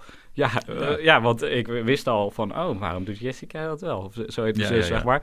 Ja, dacht dat ik echt, dat vond ik niet helpend in ieder geval. Thomas dat maar. Ja, Ja. ja. Wa- waarom kan je niet wel ook zo leren gelijk uit school? Moet je altijd eerst... Weet je, eh, eh, weet je zo. En dat heb ik misschien in mijn hoofd ook wel uitvergroot hoor. Maar dat voelde in ieder geval wel eh, heel erg zo. Dus dat maakte wel heel erg dat ik mijn middelbare schooltijd... en niet zoveel vrienden... en worsteling met eh, mijn homoseksualiteit... en eh, daardoor ook minder ja, eh, eh, focus op goede cijfers... op, eh, ja, dus ook wel op... Ja, wat heeft het nou allemaal voor zin? Dus ja, daar komen ook wel de eerste depressieve gevoelens en gedachten. En wanneer dacht jij toen dat er echt iets met jou aan de hand was? Of heb je dat nooit gedacht? Dacht je gewoon altijd, nou ja, door de omstandigheden. Ik, ik kan er niet over praten, ik heb weinig vrienden, ik voel me gewoon depressief. Ik, ik, dat Ja. komt door de omstandigheden. Ja, dus ik heb eh, die diagnose, die vond ik, heb ik daar nooit zo over nagedacht in de tijd dat ik nog bij mijn ouders woonde. Dat was denk ik tot mijn twintigste. Ik heb mijn eerste jaren van mijn studie, nieuwe stad, nieuwe mogelijkheden, ging wel iets beter voor me, was wel goed voor me. Eh, Want ik neem aan dat je in het studentenleven wel eh, open kunt zijn over je homoseksualiteit. Ja, maar ik had het ook wel zo geïnternaliseerd dat ik dat nog steeds heel moeilijk vond. Hm. Ehm, en eigenlijk doordat ik ook deels thuis ging wonen, ik had ook weer niet... Want bij mijn intro was wel het idee ook, ik ga het dan snel vertellen. Maar ja, dan ga je hup, eh, heel veel bier drinken. En, eh, want toen mochten we nog wel eh, met een hele volle intro vieren, zeg maar. Ja, toen eh, ja, heel veel bier drinken. En toen ging het heel erg over vrouwen. eh, van, hey, eh, zie haar en zo. En toen durfde ik ook niet, niet aan te geven. Dus toen zat ik nog steeds wel, ook al was het al twee jaar lang tegen mijn ouders en vrienden thuis. Zou je verwachten, nou, dan gaat het toch wel makkelijker daarna. Ja. Maar ja, ik had dat dat. niet. Ook al had ik een praatgroep gehad en eh, je kan alles op, bij me proberen, maar het blijft toch een beetje een moeizaam iets, zeg maar. Of dat ik had nog niet zoiets van oud en proud en ik ga dat wel even vertellen. Dus ik, eh, dat was, en toen was er ook wel in de studentenstad wel een, een stichting die, eh, of eh, een vereniging die daar wat meer op gericht was. En daar ben ik uiteindelijk wel heel actief geworden en daar heb ik uiteindelijk wel heel veel vrienden ontmoet. Maar dat was eigenlijk ook nog pas weer een paar jaar later. Dus dat is ook een beetje langzaam gegaan. Ja, Nou, is- het is ja. niet in één klap geweest dat je dacht, ik zeg het nu tegen iedereen. Nee. Ja. Nee, ook omdat niet alle, ja, omdat die reactie van mijn ouders zo heftig was geweest voor mij. En ook wel dat ik ook nog wel een vriendschap toch nog wel heb gehad. Die ook wel heel erg zei van, oh, zie dat meisje daar? Oh nee, daar let je natuurlijk niet op. Hm. Dus die, dat was ook zoiets waarvan ik dacht, hmm, ik voel me niet echt begrepen. Niet geaccepteerd. Niet, nee, Ja. en ook wel eh, heel lang getafeltennist. En ja, weet je, ik, ik ben, weet je, zo'n opmerking, mijn pa, die weet natuurlijk niet meer dat hij ooit zei van, oh, zie je die twee mannen daar, zo word je nooit. Hè? Die kan bijna niet voorstellen dat hij zoiets heeft gezegd. Nee. Maar ja, ik weet zeker eh, dat, dat ik die opmerking heb gehoord, zeg maar. Ja. En zo is dat ook voor als er een keer op een sportvereniging wordt geroepen met, hey homo.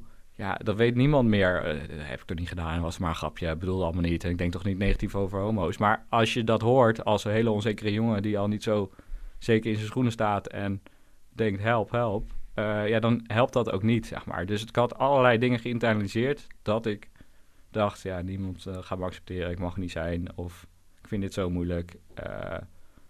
Dus Ja. dat maakte ook wel in mijn studententijd of in mijn intro en zo, dat ik dat allemaal niet ging vertellen. En, ben je toen ook naar de studentenpsycholoog geweest in die periode? Nou, nee, ik denk meer... Nee, nog niet. Toen ik thuis woonde, volgens mij nog niet. Een slokje water. ja, als je het dan... Ja, wacht. Zet hem even pauze. gaan we even een, eh, een beetje water halen. Mooi. We hebben koffie. En jij hebt water. Ja, heerlijk. Ehm, ik, wil- de, de, het heet de pillenkast. Ja, Dus ik ben ook benieuwd, heb je dan in die periode eh, dat je je depressief voelde, heb je ook antidepressiva gekregen? nee. Nee, destijds Nooit? niet. Nee. Nee, ik heb wel later pas eh, die stap genomen. Nee, ik denk Want ik dat... zet heel even de microfoon een beetje zo. Ik denk dat ik die... Nee, dat er ook niet is... Ik denk dat ik wel eens misschien een keertje met de huisarts heb gepraat of zo. Maar dat de mogelijkheid van pillen... Of ik heb dat zelf afgehouden, maar het is ook niet... eh, Want dat is natuurlijk iets waar ik kan me voorstellen dat je denkt, nou daar kan ik wel baat bij hebben. Ik voel me depressief, eh, de omstandigheden zijn allemaal niet eens heel erg lekker. Misschien heb ik gewoon een pilletje nodig. Ja, maar ik denk dat ik destijds ook nog wel heel erg eh, ehm, had van... Oké, dat was een moeilijke coming out, nu ga ik lekker studeren. Oké, nu ga ik... eh, nog, ging nog niet helemaal goed, maar oké, ik kom er wel uit. Dus het was nog niet... Op mijn 20ste, 21 was het toen nog niet per se, ook al ging het echt eh, soms goed, soms minder goed. Eh, was nog niet van, oh, ik heb een stoornis, eh, ik heb hulp nodig door pillen of therapie. Wanneer, wanneer viel dat bij jou dan? Ik denk Dat je dacht, er is wel iets, er is wel echt iets bij mij ja, de dus nou, toen moest ik mijn bachelorscriptie schrijven en toen was dat iets waar ik heel erg in vastliep. Uh, of uh, dat het echt niet goed... En toen ging ik nog wel een keer naar een studentenpsycholoog. En toen werd ik ook wel doorverwezen naar... Ja, uh, ben ik niet voor als studentenpsycholoog. Ga maar... Het is te ingewikkeld. Ja, ga maar praten met een huisarts. en toen was de huisarts wel, oké, okay, je hebt dus toen praktijkondersteuner... en toen vanuit praktijkondersteuner naar die individuele therapeut. Dus ik denk pas vanaf mijn 22, 23 zoiets. En er is dus ook jou nooit voorgesteld van misschien zou je baat kunnen hebben bij dit middel of dit middel? Um, nou, ik denk wel toen ik hulp zocht op mijn 22, 23ste, dat dat wel de revue passeerde, maar dat ik zelf meer was van nee, praten helpt meer dan pillen. Uh, dus, of dat zat in mijn hoofd, uh, van ik wil liever uh, met een therapeut praten dan met... Vond je het eng dan, pillen? Ja. Nog steeds? Nou, ik... of heb je het geprobeerd inmiddels? Ja, ja, ja. ja. Ik heb vlak... Ja, was ook nog wel weer gedoe allemaal met... Want toen probeerde ik mijn rijbewijs te halen en toen begon ik vlak... Was dat rijbewijs? Ja, dat is echt wel een groot ding voor mij. Maar ik ga dat heel vaak noemen. Nee, maar uh, ja, want toen was ik heel lang aan het rijden al en dat lukte allemaal niet. En toen ging het weer iets minder met me en toen begon ik dus een antidepressiva. En toen mocht ik niet meer op examen en toen ja, was allemaal lastig en moeilijk, zeg maar. Maar uiteindelijk had ik toen wel dus besloten, oké, okay, het gaat gewoon niet goed met me en pillen kunnen helpen. Dus ik uh, neem een pilletje, ja. En hoe was dat? Hielp dat? Ik had eerst, uh, uh, hoe heet dat middel nou? Nee, ik had eerst één soort die uh, maand, twee maanden proberen, heel veel nachtzweten, heel veel bijwerkingen. Hielp eigenlijk niet echt. Dus toen een ander middel proberen. En dat hielp wel redelijk. Of dat gaf minder bijwerkingen. En ja, weet je, ik vind bij antidepressiva sowieso heel moeilijk om nou aan te geven, werkt het echt, zeg maar. Ja, ja dat heb ik al een paar keer gehoord van mensen. Ja. Uh, kan, het is geloof ik 30% kans dat het, dat het iets doet. Ja, en ik denk ook heel vaak heel veel placebo-effect. Ja, en placebo zit ook rond de 30%. Ja. Dus dat is wel erg grappig. Uh... Want ja, en ik deed het ook tegelijkertijd met uh, therapie, zeg maar. Of uh, met die individuele. En later, in, toen ik, ik heb het afgebouwd toen ik uh, die groepstherapie zat van negen maanden. Dat je toen ook wel met de psychiater groep, in een groep zat. En dan kon je het rustig afbouwen met volgen hoe dat gaat. Zeg maar. Ja, goed monitoren. Ja. Um, dus aan de ene kant heel moeilijk. Maar ik heb ook nog wel een keer bij Nieuwsuur mijn verhaal verteld over uh, dat ik het stigma op antidepressiva te groot vind, zeg maar. Dat heel vaak in het nieuws is, oh, een miljoen Nederlanders zitten aan de antidepressiva, wat erg. En wat zijn we voor land geworden? Ja, ik denk dat een miljoen ook wel heel veel is en dat we dat niet altijd naar dat middel. Maar het is ook voor heel veel mensen, weet je, eh, wat jij ook al een paar keer hebt genoemd van... eh, ja, nee, als het, het is ook wel, het kan heel, heel erg helpen, zeg maar. Dus disclaimer, disclaimer. Ja. Neem vooral eh, je pil wel als jou, bij jouw baat hebt, zeg maar. Maar voor mij was het wel heel duidelijk van ik... Omdat ik ook wel merkte dat me wel afvlakte ook. Dus ook de leuke momenten die ik soms toch ook wel had, werden wel minder leuk, zeg maar. Maar ik- de dalen waren wel minder diep. Dus uiteindelijk heeft het denk ik wel geholpen in die, in die dalen. Maar het was voor mij wel zoiets, het is een tussenmiddel. Ik ga dit niet, het liefst niet heel mijn leven slikken, zeg maar. Nee, dat is ook niet echt de bedoeling hè, van antidepressiva. Nee. nee, maar voor sommige mensen weet je wel van... eh, oh, ik ben eigenlijk zo... eh, ja, depressief. Of eh, als we het even de optelsom of van positieve dingen eraan en negatieve eraan... ja, dan is het gewoon beter om het wel heel mijn leven te slikken. Ook al vinden andere mensen daar heel veel van. Ja, als het nodig is, is het nodig. En, maar het is, je vindt niet dat het bij jou nodig is? Nee. Ondanks dat je toch een beetje een negatieve inslag hebt. Een beetje, Ja, maar ik denk ook wel dat er meer in zit dat dan accepteren... eh, dan eh, daar heel mijn leven een pilletje voor blijven slikken. Hm. Of daar, zo sta ik er nu inmiddels in. ja. Eh, jij vertelde dat je ook last hebt van stemmingswisselingen. Ik heb ze voornamelijk naar boven en nou ook wel naar beneden, maar ook naar boven toe. Daar heb je dan weer geen last van, hè? Dat zit niet in jouw pakket. Ik heb geen eh manies of... eh, nee. Of verhoogde stemmingen überhaupt. Nee. Eh, ja, wat versta je onder... Wat zijn Nou, verhoogde meer. stemmingen? Dat je niet meer gemiddeld je oké voelt, zeg maar. Maar dat je meer energie hebt, meer zin hebt in het leven. Nee, ik denk niet dat ik dat heel erg... Maar je, aan de andere kant, ik was eergisteren was ik hardlopen... en toen dat ging zo ongelooflijk lekker. En toen dacht ik wel, oh, wat is dit fijn. En oh, de zon gaat onder, wat is het mooi. Ja, dat was wel gewoon zo'n prettig momentje. Maar ja, ik denk dan niet bewust bij na... is dit boven een bepaald lijntje naar... Nee. eh, Ja, dat doe ik dan. ja, Maar Dus- omdat als ik, zodra ik het woordje stemmingswisselingen hoor, dan denk ik meteen aan verschillende stemmingen. Maar eigenlijk heb je dan gewoon een basisstemming, in jouw geval, en een depressieve stemming. Ja, maar maar ik bedoel met mijn stemmingswisselingen ook heel erg dat... Oké, dat ik heel erg kan hebben van... Oké, het gaat nu lekker, het gaat nu goed, eh, best wel oké. En ik loop zo de deur uit en ik mis mijn trein. En er is gelijk totale paniek in mijn hoofd. Terwijl het ging hartstikke goed, het ging hartstikke lekker. Wat de fuck is aan de hand, Thomas? Dat ik dat dus heel erg kan hebben van... En dat gaat, wat ik aangeef, hè, dat lijkt al... Ik, in de meeste gevallen kan ik dat tegenwoordig voorkomen. Maar nog steeds kan ik dan iets hebben wat voor een ander gewoon, oh, even een teleurstellingje, ga nog steeds een lekkere dag, iets minder lekkere dag, want ik had liever nu al daar gezeten, maar boeien. Dat maak ik dan heel groot en dat kan ik dan niet goed handelen en niet goed eh, ja, op een gezonde manier verdragen en mee omgaan. Zeg En maar. is dat dan een gevoel wat je overneemt? Waardoor je er niet meer tegen in Ja. kan denken, zeg maar? Ja, niet ik, meer kan... ik, heb, ik, ik, ik heb dan echt het gevoel dat ik grip verlies.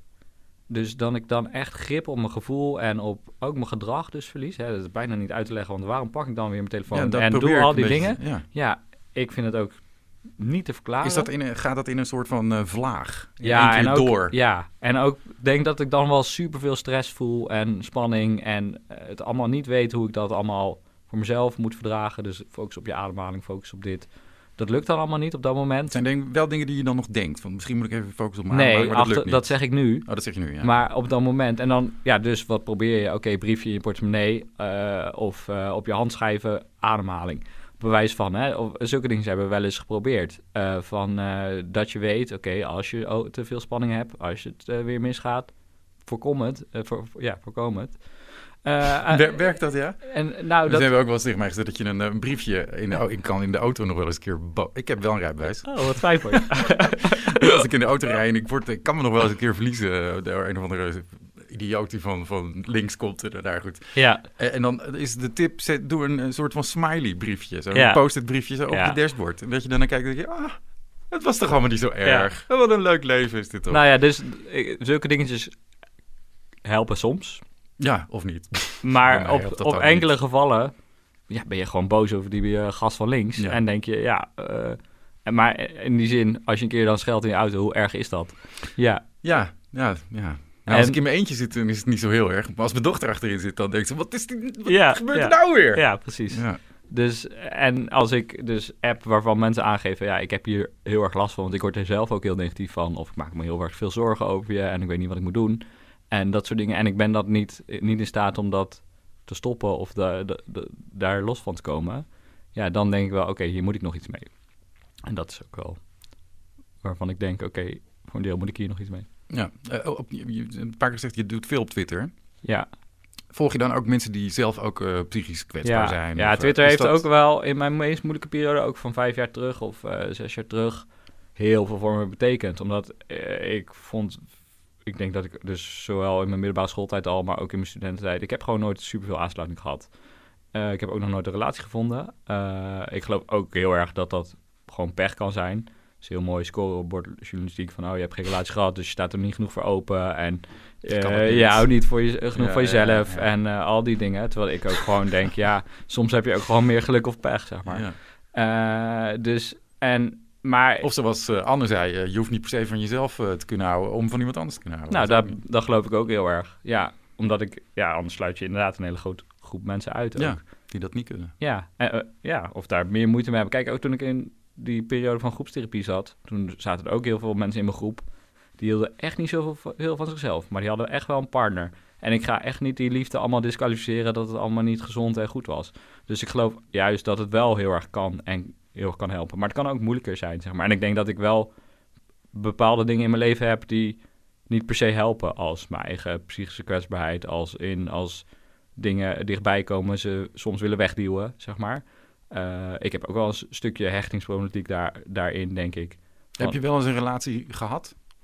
Eh, Een korte? Ja, drie maanden of zo. Maar het, is ook, de laatste is wel tien jaar terug. Ehm, en, en dat ging eigenlijk, mijn laatste ging ja, best wel uit wat ik niet had verwacht. Dus dat was echt wel ook een hele grote klap voor me. Misschien was dat ook wel een van de dingen die me nog verder eh, deed zakken. En uiteindelijk zorgde voor die, dat ik wel eh, uiteindelijk een keer hulp zocht. En dat eh, uiteindelijk ja, wel de goede dingen zijn gebeurd. Dat ik hier nu wel beter zit dan zes jaar terug. En het lag niet aan wat, wat jij hebt dat die relatie stopte. Mm, nee, dat lag ook wel aan. Nee, nee, dat. Nee, dat dat zou erg zijn, neem ik aan, als, je- als, als je partner destijds gezegd had, nou, met jouw leven, nou, ik heb dat doen. later nog wel eens gehad hoor. Of ook eh, met een date of zo. Die dan had dan mijn blog gelezen en die zei: Nou, ik wil toch niet meer met je op date. Of Naar aanleiding van je blog. ja, omdat, maar ik heb ook wel in mijn meest suicidale buien een blog geschreven. Hm. Met eh, 101 redenen waarom ik vooral dood moet zijn. Ja, die blog staat nog steeds online. Ben ik niet trots op. Maar ja, het is, ik wilde op die blog wel heel erg laten zien hoe het voor mij het leven is. Dus ik laat ook alle negatieve dingen al staan. Maar eh, Hoe, hoe kijk je daarop terug, op zo'n blog? nou, Dat dan... je je ooit dus zo gevoeld hebt dat je zoveel redenen kan verzinnen om er niet meer te zijn. Ja, maar die kan ik ook nog steeds wel, wel Dus eh, dat maakt me soms... Ik ben nog steeds wel eens suicidaal. Eh, maar ik vind überhaupt suicidaliteit vind ik veel te... eh, vind ik echt te veel te grote boel. Want ik weet dat ik nou eenmaal best wel veel gedachten aan de dood kan hebben. Maar ik kan er ook prima mee leven. En ik weet dat ik er echt niet naar ga handelen. Alleen, ja, die gedachten heb ik nog, een, nog steeds dat is wel wel interessant. Waarom denk je dat je daar nooit naar gaat handelen dan? Eh, Als je ziet hoe je bijvoorbeeld eh, eh, Twitter soms niet, eh, niet kan tegenhouden dat je ergens het negatief over twittert. Ja, Ben je dan niet bang dat je die, nee, omdat ik... controle denk ook dat niet ik- hebt over je eigen... Nee, want ik ben dan nog stiekem wel een beetje... Ergens heb ik dan nog wel, dat durf ik niet. Of dat kan ik niet aandoen naar, naar mijn ouders of naar mijn omgeving. Of, en ook uiteindelijk denk ik, denk ik, uiteindelijk, ik denk dat ik het gewoon niet durf, zeg maar. Ik ben best wel een beetje bang iemand eh, in zulke dingen. Dus ik zou niet weten hoe ik het moet doen. Weet je, ik heb wel dan buien oh, hoog gebouwd, daar moet ik van afspringen. Maar ik denk, ja, dat zeg je je, helemaal staat, je, zeg je alleen maar. Nee, ja, ga weg. ja. Hoogtevrees. Ja, ja, dus ik denk dat ik dat... Ik heb ook nooit een poging in mijn leven gedaan. Eh, dus wel heel dichtbij geweest of eh, gefietst naar een spoor en dan daar weer weggefietst. Dus, en, eh, dus Maar dan fietst hij er wel naartoe met de Ja. intentie, ik ga ja, maar dat is wel, eh, ja, dat is wel het meest heftige dichtbij wat ik ben geweest. Ehm, maar dat is nu, ja, dat is in die periode geweest, dus zes, zeven jaar terug. Eh, en dat is nu, mm, ja, ver van mijn bedshow. Ook al denk ik nu, ja, er zijn vooral momenten. Ik merk nu heel erg, dus dat heel veel eh, van mijn vrienden krijgen allemaal kinderen, eh, trouwen. En ik worstel nog steeds met, oh, ik heb mijn langste relatie drie maanden, zeg maar. En ik ben 32 ja, ik vind dat soms wel heel ingewikkeld. En zeker nu in coronatijd heeft dat mij niet altijd ten positieve gemaakt. Zeg maar dat ik ook heel erg merkte van, oh, eh, ja, ik ben wel vrienden met wat mensen, maar die kozen dan... Oh, ik heb besloten om twee mensen te knuffelen. Daar pas jij niet in. Ja, dat was wel... Dat, ja, zo hard is nou eenmaal ook deze tijd, zeg maar. Dus ik werd daar soms ook wel... Weet je, ik heb wel... Nu ben ik ook alweer honderd dagen niet aangeraakt, zeg maar. Ja, dat, ik, dat zijn wel dingen waar ik soms mee worstel. Of die mij niet per se... Weet je, op een negatief moment kan ik wel heel erg daarin blijven hangen van... Oh shit, eh, er is niemand die van me houdt. Ik heb niemand. Ja, waarom ben ik eigenlijk nog? Maar dan, dat is dan een gedachte. En die kan ik dan ook wel weer op een gegeven moment loslaten. En dat is het dan. En zijn er mensen met wie je daar wel gewoon goed over kan praten, vrienden? Zonder dat het meteen eh nou, in vervelende appjes. eh, ja, ja, ja. Er zijn wel. Ja, dus vrienden. eh, Weet je, mijn beste vriend heeft me ook een hele tijd geblokt op WhatsApp. Omdat hij zei van ja, ik weet hoe je voelt, dan kunnen we prima over praten. Maar dat doen we over de telefoon of in het echt. Maar die appjes, ja, dat is niet de manier om daarover te communiceren. Dus dat kon ik ook wel heel goed. Ik denk dat het ook een hele goede afspraak was. En nog steeds zijn we dan beste vrienden. Dat kan ik dan ook wel echt zo zien. Dus ik zie dat ook wel als groei uit het verleden, zeg maar. Want eerst was het, zie je mijn beste vrienden blokken me ook nog. En Ja, niemand houdt van me. dat En, is ook heel hard. Ja, ja, ja, maar ja, dat is ook heel hard. Maar ja, weet je, eh, de omgeving is ook... eh, Maar je kan nu wel zo heel rationeel zeggen: ja, maar het is goed voor me. Dan moeten we het echt vooral doen. Want de andere kant is eigenlijk ook niet goed. Om daar continu maar mee eh, geconfronteerd wordt met dat soort appjes. Maar ik kan me voorstellen dat dat heel vervelend voelt. Als iemand je opeens gewoon blokkeert, een vriend. Die zegt: Nou, ja, ik heb echt geen, geen behoefte aan jou. Ja, en dit was vorig jaar, dus het is ook... eh, ja, dus dat was echt dat ik dacht, shit, ik heb die behandeling al gehad en nu nog dit. Eh, ja, dat was echt wel dat ik daar ook niet heel happy eh, van word. Maar ja, het heeft ook niet zoveel zin om nu... Weet je, dat, dat is een verdrietig moment en moeilijk. En ja, dat is wat het is dan, zeg maar. Dus ehm, dat is wat het is, ja. Ja, dat is zo. Ben je, ben je wel gelukkig? Eh, nee, ik zou mezelf niet gelukkig noemen. Nee? Nee. Denk je dat je dat ooit wordt? Vind ik moeilijk. Om je dat voor te stellen? Ja. Wat zou er moeten gebeuren, wil je gelukkig worden?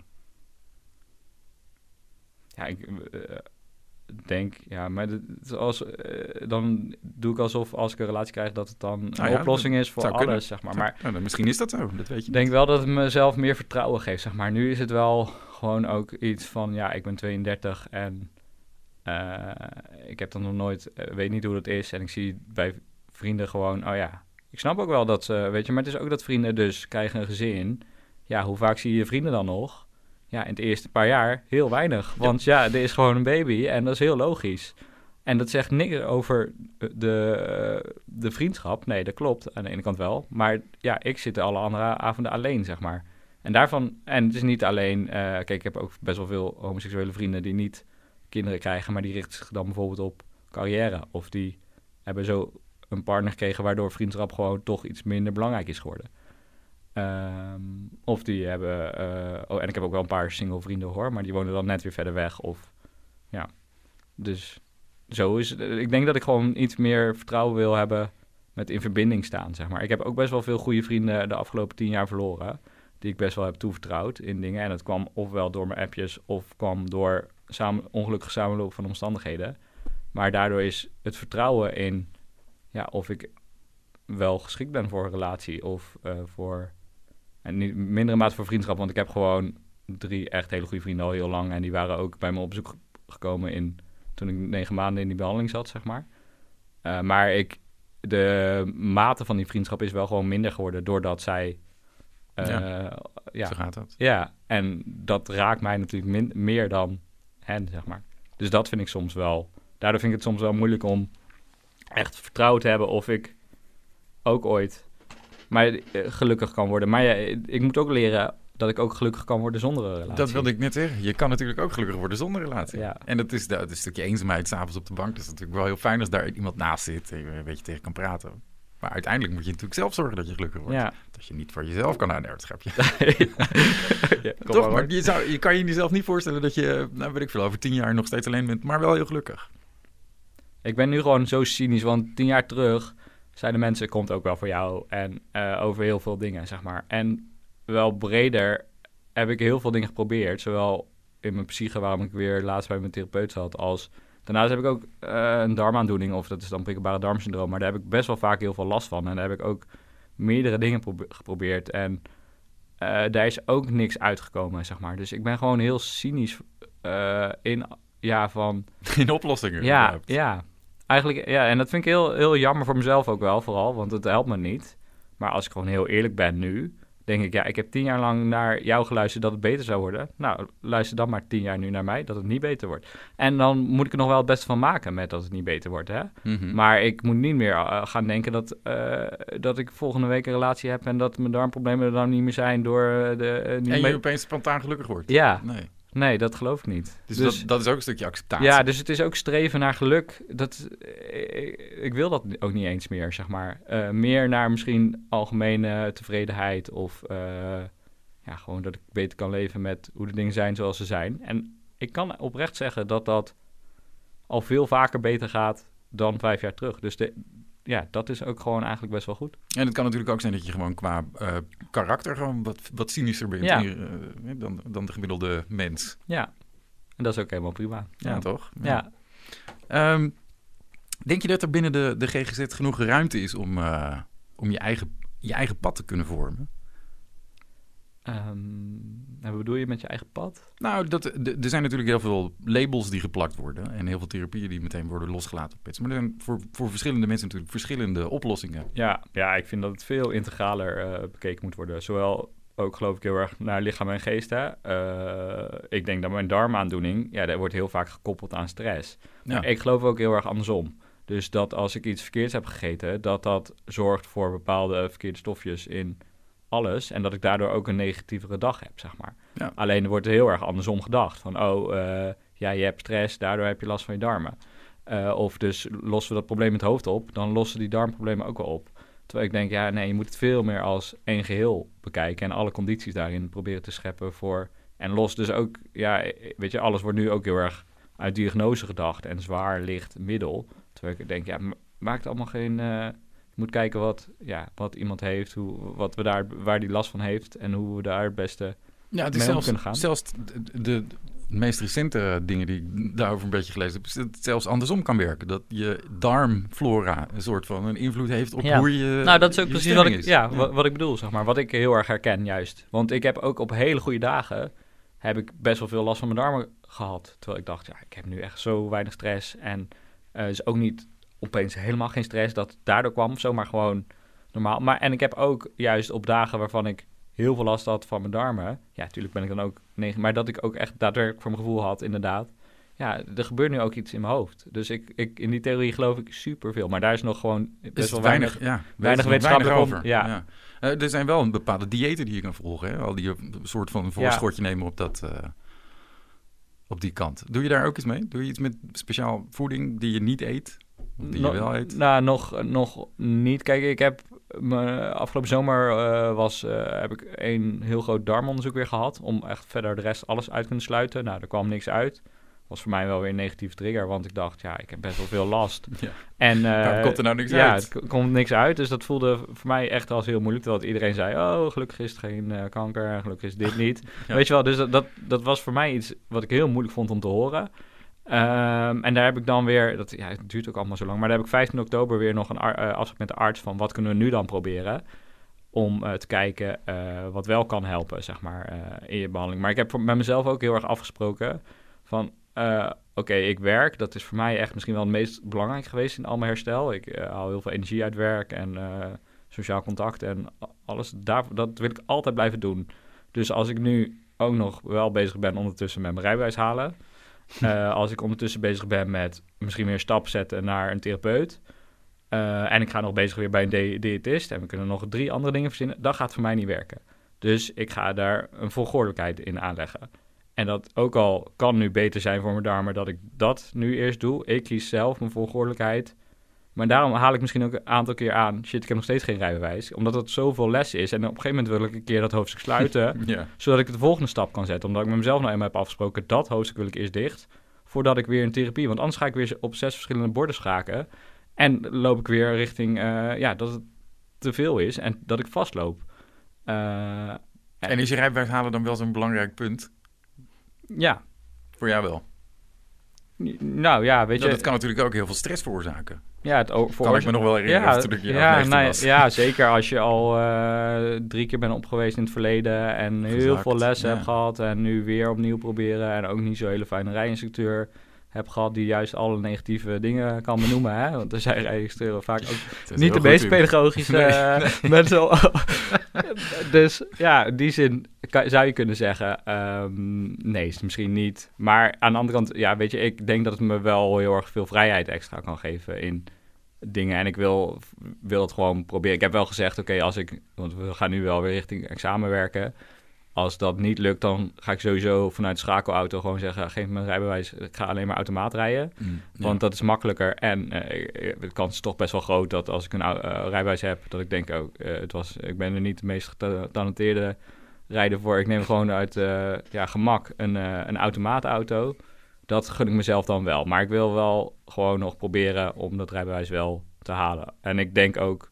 Maar dus dan moet ik ook de dingen, andere dingen even op de ko- koop toenemen als nog geen dieet of nog soms psychisch eh, vastlopen. ja. En, maar goed, weet je, in die zin, ik val niet uit mijn werk. eh, daar zijn mensen gewoon tevreden. Ik kook gewoon nog iedere dag voor mezelf. Ik doe dingen daarnaast. eh, ja, dus het gaat soms nog wel een beetje mis. Maar over het algemeen kan ik gewoon zeggen dat ik best een normaal en goed leven leid. Nou, dat, is- dat is heel fijn. Ja, Ja, daar gaat het toch wel een beetje Ja. om. Ik ben wel heel benieuwd naar hoe het gaat met die voeding. Daar wil ik dan wel eens wat eh, in de toekomst wel eens wat van jou over horen. Als je daar echt mee gaat starten. Want er schijnt heel veel in te zitten. Ik merk voor mezelf dat ik, als ik nu geen suiker meer eet bijvoorbeeld, als ik dat dan weer wel een keer gedaan heb, Ja. dat mijn stemming de volgende dag echt meteen een stuk slechter is. En zo duidelijk is het voor mij echt. ja. Dus ik zou dat ook tegen andere mensen willen zeggen. Neem geen suiker meer. Of ga in ieder geval kijken wat bij jou eh, werkt en niet. Ja, Volgens mij nou, zit daar heel veel in. Ja, geloof ik. Maar ik wil dus eigenlijk wel dat eh, je hebt dan voor mensen met prikkelbare darmsyndroom zoals ik heb eh, het FODMAP-dieet. En dan ga je heel veel voedingsstoffen op een gegeven moment weglaten en dan langzaam weer allemaal toevoegen. Nou ja. Maar dat is best wel heel ingewikkeld. Dat wil ik wel begeleid doen. En dat raden ze ook wel echt uit, zeg maar. Of eh, aan. Aan. Ja, niet uit, maar aan. Dus eh, in die zin wil ik eh, dat gaan proberen. En dat kan denk ik ook wel gewoon naast de andere dingen die ik doe. Alleen, ik wil dan gewoon dat eerst in oktober hebben overlegd met de MDL-arts. En dan ja, door worden verwezen naar een diëtist. En het dan verder proberen, zeg maar. Dus, je, hebt, je hebt nog een hoop te doen de komende tijd. Rijbewijs, therapie, voeding. Ja, ik denk dat... En haal de komende tijd maar weg. Want ik denk, ja, ik denk dat het altijd wel... Kijk, bij mij is de afgelopen tien jaar best wel veel zo gegaan. Van, oh, dan gaan we zo die therapie proberen. Of ik heb ook bek- en bodemtherapie vorig jaar negen maanden Bek- en gevolgd. bodemtherapie. Ja. Is dat voor vrouwen? Ja, nou, dat is een mooi vooroordeel ook weer.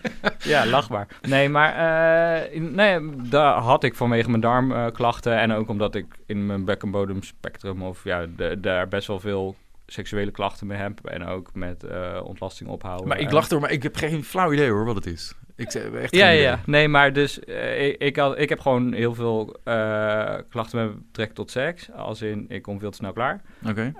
Ik verlies soms ontlasting en dat gebeurde tijdens het hardlopen en zo. Dus dat was voor mij ook echt wel iets ingewikkelds van wat helpt psychisch ook ga hardlopen.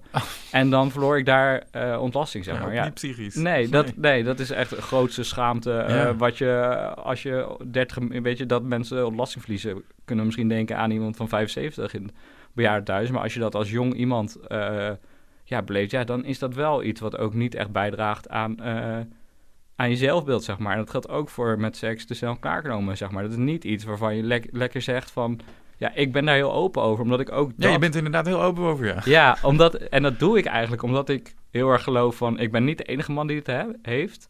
maar we praten er echt nooit over. We doen alsof het niet bestaat. We lullen als mannen alleen maar over... oh, zag je die Oeh, vrouw en ja. leuk. ja, en, en homoseksuele onderling ook, hè. Van, eh, ja, eh, gaat het ook alleen maar stoere verhalen over seks. Terwijl ik denk, ja, ik heb hier echt super veel last van. En dit is ook wel een major trigger geweest... voor heel negatief over mezelf denken ook bijvoorbeeld geen, eh, niet eh erover kunnen praten.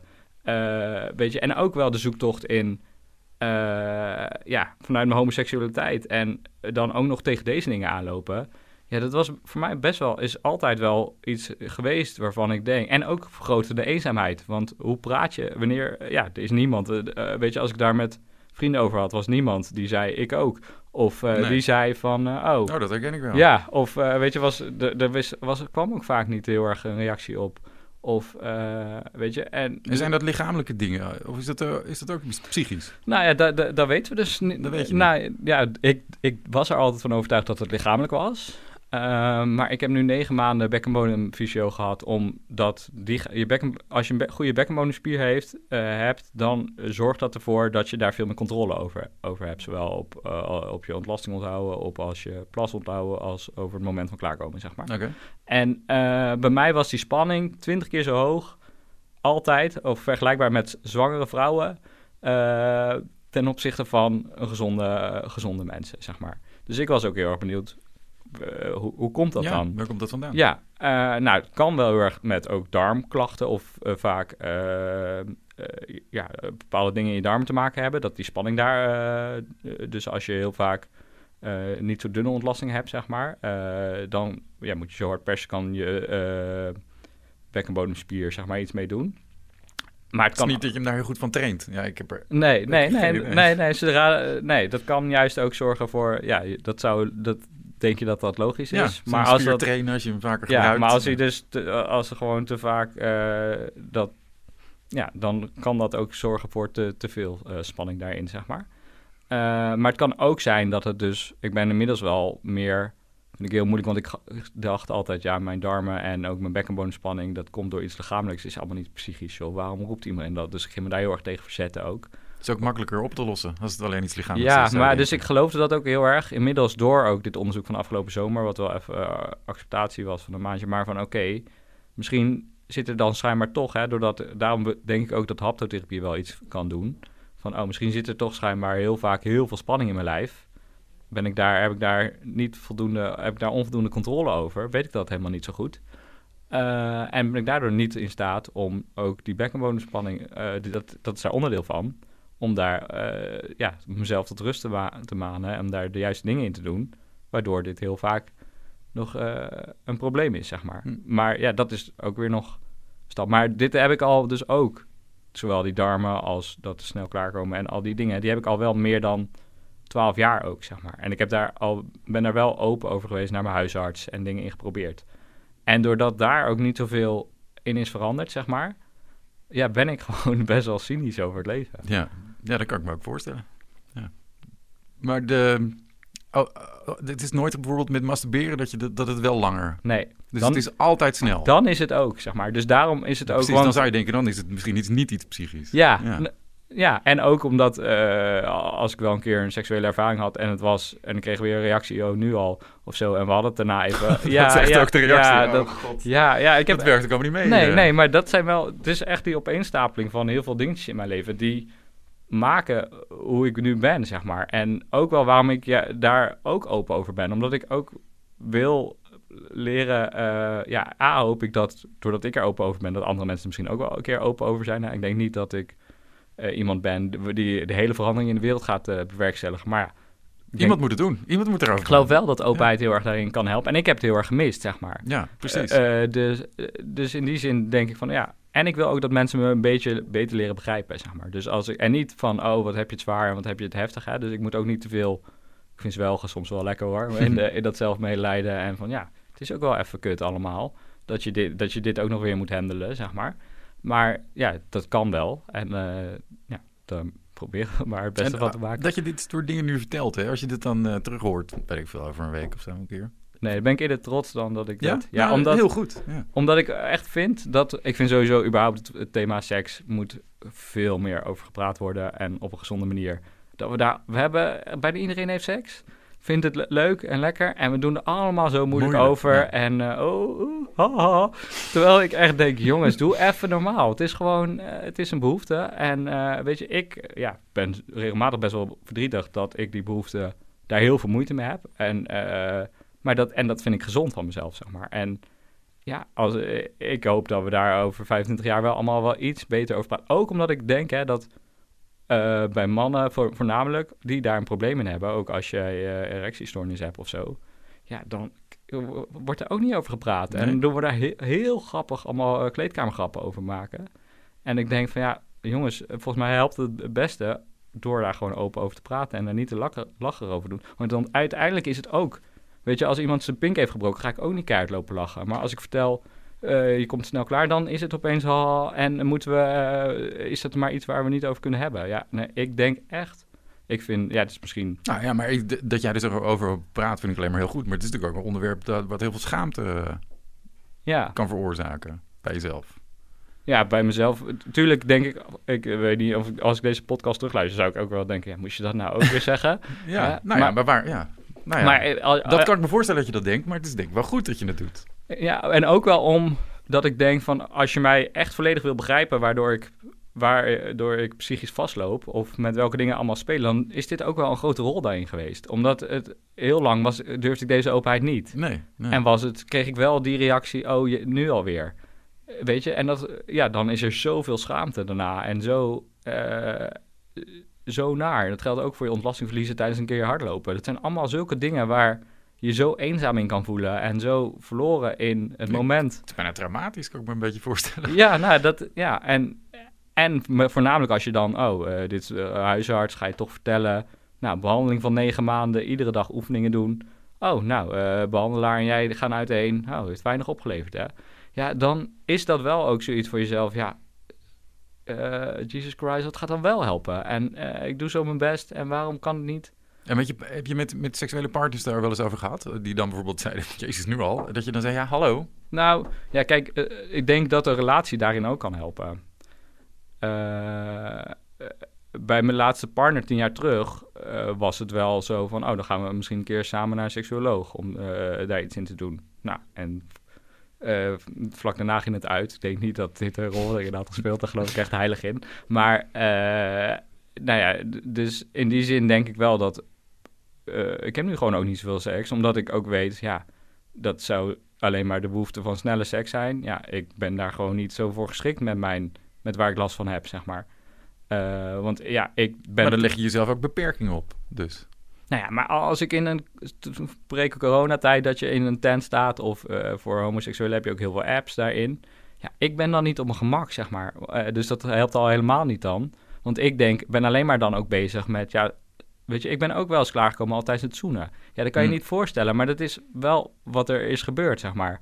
Ja, als ik, dan ben ik, ben ik bang dat dat ook weer gebeurt. Ja, en iemand spreekt toch af of denkt toch... hé, hey, leuk, ik ga het nu leuk hebben. Ja, dus dan kan je voldoen aan de verwachting van iemand anders. Ja, of, en dan ben ik nog leuk een half uur bezig met iemand anders. Terwijl het in mijn hoofd alleen maar gaat: hey shit, waarom was dit weer zo? Ja, dan, daar word ik ook niet per se gelukkig van, zeg maar. Dus in die zin denk ik van: nee, ja, dan is het nu eh, leven zonder. Ja. Wat is nu het eerste waar je, behalve dan je rijbewijs, waar je werk van gaat maken? Nou, ik Want je bent dus, eh, dat zei je, hè, een paar eh, maanden geleden naar, de, naar, je, weer naar een, psycho- naar een therapeut geweest. Heb je Ja. gebeld. Ga je, daar die, ga je die weer vaker zien? Ga je weer eens vaker Nee, kijk, afspreken? eh, ik probeer het allemaal wel een beetje. Kijk, ik had dus ook eh, bij mijn MDL-arts eh, nog een keer helemaal uit laten zoeken. Dat was in augustus. Eh, dat onderzoek van mijn darmen, zeg maar. Nou, daar is niks uitgekomen. Daar heb ik dan in oktober weer afspraak eh, in het ziekenhuis eh, voor. Eh, wat daar uitkomt, dan sluit de MDL-arts in principe ook dat consult af. En die stuurt me dan weer naar de huisarts. En daarmee, bij de huisarts wil ik dan vragen om een dubbele afspraak, hè, want we hebben allemaal mooi 10 minuutjes in Nederland, maar dat gaat niet passen. En dat ik dan eigenlijk met mijn huisarts even over heb van, hey, eh, ik merk dat ik dus nog steeds last heb van mijn darmen en denk dat daarin heel erg haptotherapie ook eh, iets kan zijn. En dat kan misschien zowel voor mijn darmen als, ik loop nu psychisch ook nog wel eens vast, of dat ik niet voel wat, eh, wat ik moet voelen. Of, eh, dus eigenlijk zou ik dat willen. En een diëtiste. Eh, en dat wel tegelijkertijd, omdat ik ook denk, ja, bij diëtist is gewoon s'avonds uh, ander je eet, eetpatroon aanpassen. Ja. Dus eigenlijk ja, zie ik nu eerst, oké, 15 oktober met de MDL-arts even goed over hebben. Maar die stuurt me dan waarschijnlijk toch wel weer door naar de huisarts. En daar dan ook even goed over hebben van, goh, wat past nu het beste bij de belasting die ik ook zelf aan kan. En dan denk ik dat de kans groot is dat ik haptotherapie ga doen. Ehm, samen met uh, dus een ander uh, ja, met, met, dieet om mijn darmen wat beter. Uh, en dan laat ik ACT, dus Acceptance and Commitment Therapy, waar we ook een beetje over geha hebben gehad met mijn therapeut, dat laat ik dan nog een beetje los. Want mijn therapeut zei ook, ja, ik kan ook ACT en haptotherapie tegelijk doen. Toen zei ik, oh, ja, belasting. Ja. ja. Dus uh, zo zie ik eigenlijk een beetje de komende maanden. Oké, okay, dus je, en je bent daar nog wel een beetje licht positief over? Want je, ja, we hebben het gehad over je cynische inslag. En dat je er niet zo heel veel vertrouwen in hebt. Om echt ooit nog op een punt te komen dat je echt gelukkig bent. Mm. Eh, Ben je nog wel een beetje voorzichtig optimistisch over dat soort dingen? Zo'n diëtist? Ja, zo'n diëtist kan ik wel... Dat, kijk, weet je, ik denk ook... Oké, het gaat nooit misschien helemaal weg, maar het kan wel dingen iets verbeteren, zeg maar. Eh, en dat is nog wel met een diëtist, denk ik, ja, dat heb ik ook nog nooit heel serieus geprobeerd. Ik ben wel eens eerder bij een diëtist geprobeerd, eh, geweest, maar niet heel streng op dieet met voeding, bepaalde dingen echt weglaten en dan weer langzaam toevoegen om te kijken wat bij jou specifieke klachten echt heel erg kunnen helpen. Ja. Nou, dat heb ik nog nooit heel erg gedaan, dus daar, daar, ik geloof daar wel in, of ik heb daar wel hoop op, omdat ik dat nog nooit heb geprobeerd. En denk, ja, in 70% van de mensen met prikkelbare darmsyndroom eh, kan dat eh, iets doen, zeg maar. Oh ja, Ja, dat zijn positieve cijfers. ja dus dat is eh, ja, zeker positief. Ja. En zijn er ook relaties met eh, ehm, stemmingswisselingen toevallig? Ehm, ja, daar weet ik even iets minder van dan. Maar kans is zeker aanwezig. Dus Ja. ja. daarom denk ik dat... Maar ik probeer daar ook weer niet te veel van... Oh, als ik dat heb gedaan, zal ik vast ook geen stemmingswisseling meer hebben. Nee, weet je... Die zullen er altijd wel een beetje zijn. En ik moet al gewoon nu de groei van mezelf zien daarin in de afgelopen tijd. In plaats van heel Ja. focussen op dat dat nog ook soms niet goed gaat. En de structuur is eh, een wonderwoord hè, voor eh, mensen met psychische klachten. Ja, ja, voor een deel denk ik. Kijk, eh, het kan niet alles, maar het helpt wel heel erg, denk ik ook. En dus, maar weet je, die andere klachten, die kunnen dus voor mij soms wel echt ingewikkeld maken. Omdat ik nu denk, ik moet nu hardlopen, dat is echt supergoed voor me. Maar ik heb ook superveel last van mijn darmen. Oké, dan kan ik misschien wandelen. Oh, maar dat kan, dat is ook wel eens, daar is het ook wel eens bij gebeurd. Dus dat kan wel heel, bij mij, dat vind ik ook super complex. Want anders denk ik dat ik bij mijn psychische klachten al veel beter had opgelost. Maar nu, weet je, is dat soms, oké, ik ga hardlopen, shit, gaat toch weer mis, zie je wel, niks, helemaal niks helpt bij mij. Dat kan het dan heel erg triggeren, zeg maar. Ja. Dus ja, denk wel, kijk, mijn structuur zit natuurlijk ook gewoon in op tijd opstaan. Precies. Ja. Eh, Vaste routine. ja, ja, en nou, dat past, maar het past ook wel weer een beetje bij me om, weet je, ik denk ook dat we niet allemaal, eh, weet je, ik hou gewoon van uitslapen in het weekend en ik ben echt geen ochtendmens. Dus als ik op zaterdag geen wekker zet, dan word ik dikwijls tien uur wakker. Nou, dan gaan bij jou misschien de alarmbellen, geen structuur, help, help. maar bij mij is dat gewoon heerlijk en eh, eh, vind ik dat fijn, zeg maar. Dus in die zin probeer ik daar ook wel een beetje wat meer los te laten en niet te stellig van, oh, er moet altijd structuur zijn en dat is heilig. Oké. Anders dan ik daarin sta. Ja. Voor mij is die structuur namelijk wel echt eh, ja, een heel belangrijk ding. Als, Ja. ik, als, ik, als ik een weekend eh, heb waarbij ik denk, nou, ik blijf tot tien uur in bed liggen, dan is het weekend eh, voorbij. een soort van, kan ik mezelf weer oprapen. Ja, nee, dus bij mij hoeft niet zo te zijn, zeg maar. Ik denk wel dat het inderdaad op slechte periodes wel beter is om zeker op tijd naar bed gaan. Dat is nog wel een leerpunt. vind ik gewoon Ja, moeilijk. Slaap is heel belangrijk. Ja, maar ik vind, eh, dat vind ik wel maatschappij, breed soms dat we te veel iedereen eh, van 9 tot 5 willen laten werken of eh, wat dan ook. Terwijl ik denk, ja, ik floreer veel beter In de van- avond van 11 tot 7. eh bewijs van. Maar ja, er zijn gewoon vaste vergaderingen altijd om 9 uur. Ja. Wat doe je nu voor werk trouwens? ik werk nu dus bij Samen Sterk zonder Stigma.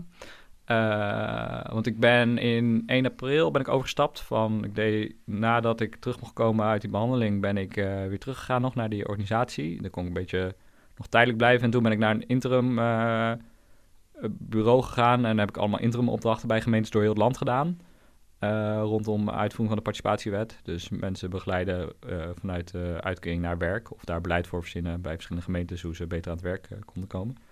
En daar ook wel veel mensen gezien met een psychische kwetsbaarheid die in de uitkering zitten en daar slimme di- dingen voor bedacht. En toen ging ik hier naar een stichting die zich stigma op mensen met psychische problematiek landelijk eh, probeert tegen te gaan, zeg maar. En die hebben ook een project werk om bij werkgevers meer ruimte te maken en eh, ja, werkgevers bewust om te laten gaan met medewerkers met een psychische kwetsbaarheid. En dat vond ik wel heel erg passend voor mezelf, omdat ik me daar altijd al wel voor heb ingezet. En Vind je het ook niet lastig om zoveel om te gaan met zo'n onderwerp, wat je zelf ook... Nou, dat was wel altijd een twijfel, want eh, van, ik dacht heel erg van nee, ik wil geen ervaringsdeskundige worden. En, eh, want dan ben ik alleen maar bezig met mijn eigen psychische kwetsbaarheid, terwijl ik ook nog wel denk en zie dat ik veel meer kwaliteiten heb.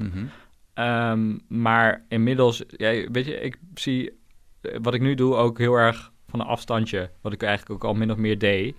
Eh, dus niet per se heel concreet bezig met ik eh, heb een persoonlijkheidsstoornis en ik heb een dysthymiestoornis, zo moet je dit en dit doen. Nee, ik ben Vooral van, hey werkgevers, als je het goede gesprek voert, deze vragen mag je wel stellen, deze vraag mag je niet.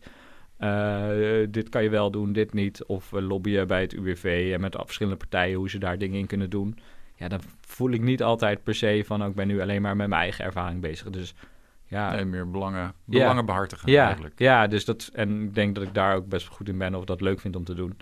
Uh, dus nee, ik loop nu niet uh, er tegenaan dat ik heel erg bij mijn eigen kwetsbaarheid de hele tijd... Uh, en hoe zie je de toekomst? Ga je nog iets doen met die master? Met master marketing? Ja. Uh, nou, weet je, ik denk dat het ook wel heel erg bij me past om wat meer sociaal uh, dingen te doen, zeg maar.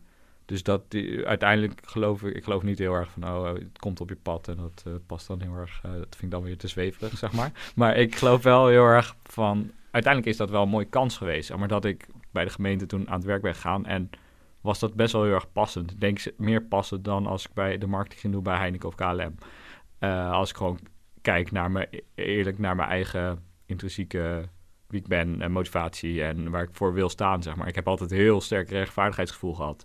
En mm. het goede doen uh, voor uh, de maatschappij en voor de mensen, zeg maar. En daar is denk ik... Ja, is marketing niet zo heel goed. En uh. daar aan bijdragen. Nou, ik geloof wel dat marketing... Ja, dat is dan ook het beeld van marketing, zeg ja, maar. Ja, heb ik wel een negatief beeld van. Ja, ja, terwijl ik denk van ja, marketing gaat niet alleen om de sigaretten verkopen en het bier gaat ook juist om een belangrijk.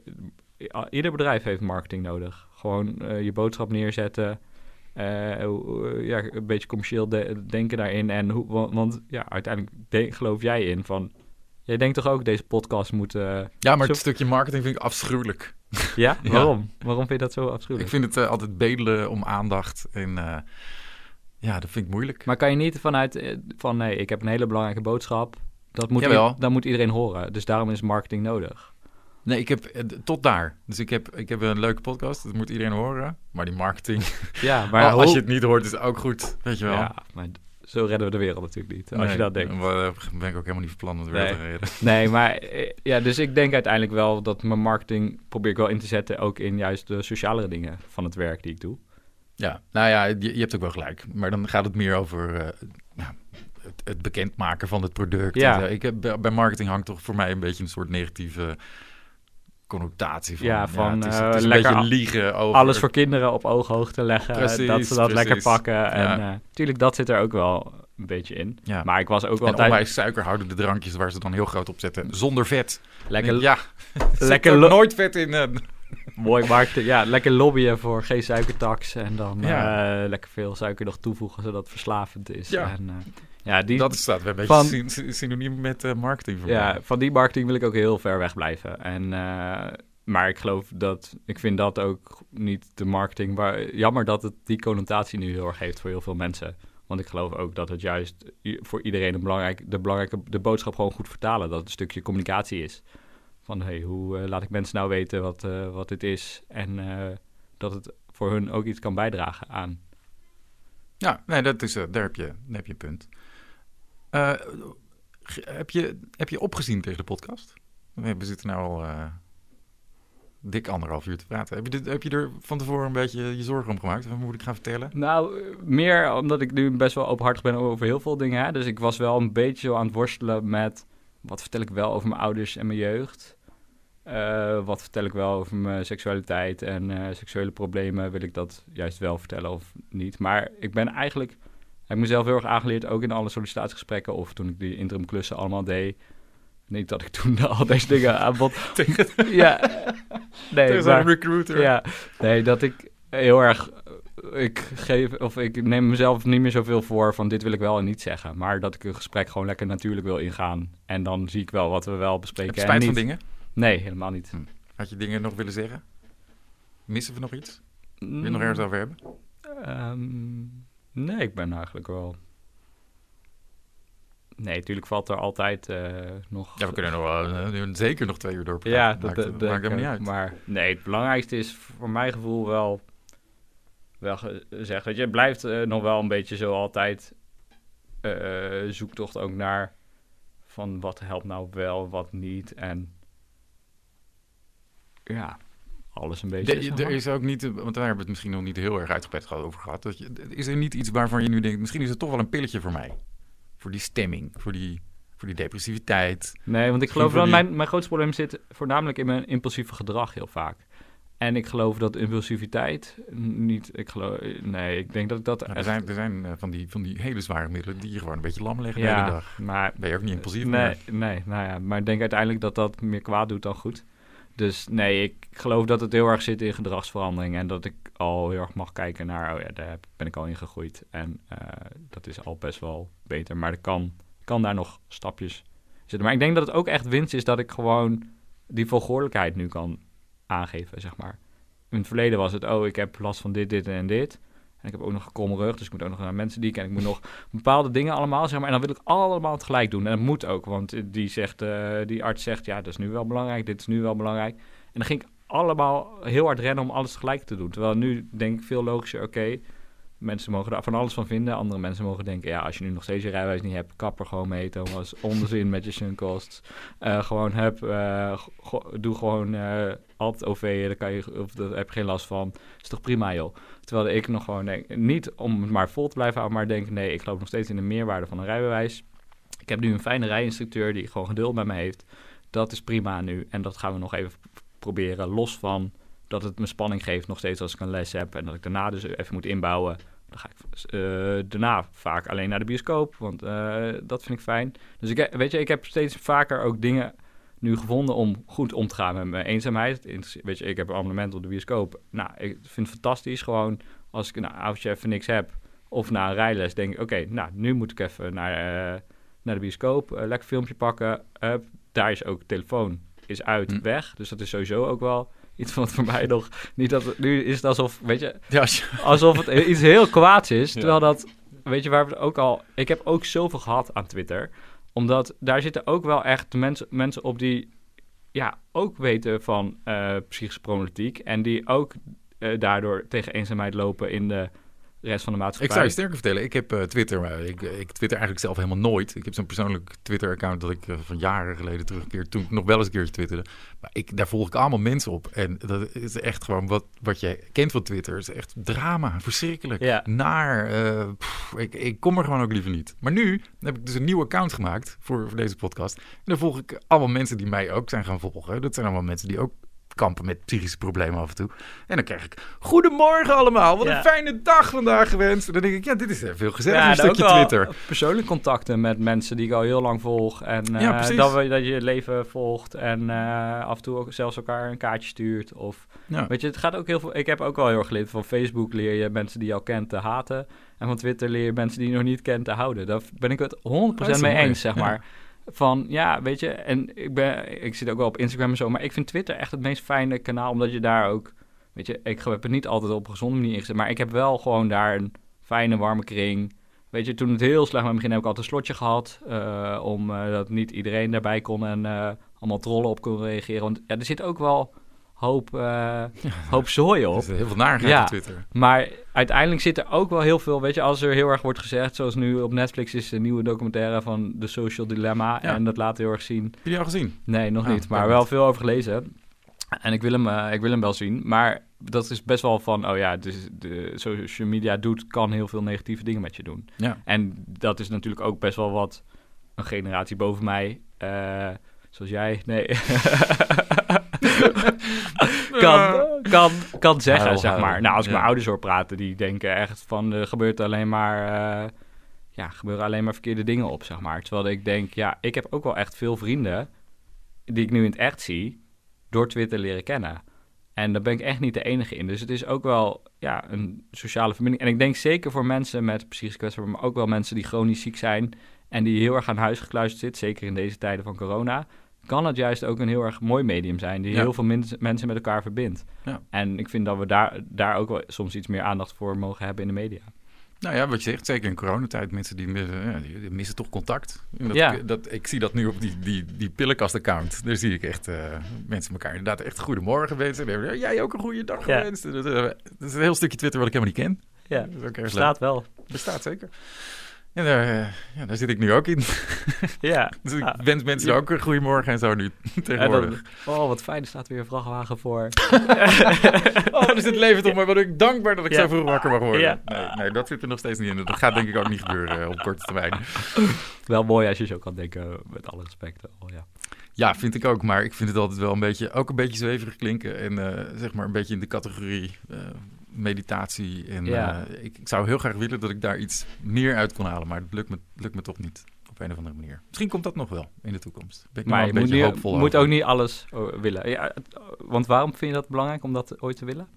Omdat ik de mensen die het doen en die het aanraden, die zeggen: Ik heb er zoveel baat bij. Het is zo mooi, zo rustig. En eh, ik zit gewoon tien minuten met mijn ogen dicht. Ja, nee, heb ik ook. Ik, en eh, ik ga het ook nooit. Ik denk, oké, voor mij werkt hardlopen veel beter. Ja, en die mensen zeggen, Ja. eh, hardlopen, word je moe van, zweet, eh, help. Dan denk ik, oké, nou, heel fijn dat we ieder, voor ieder werkt weer wat anders.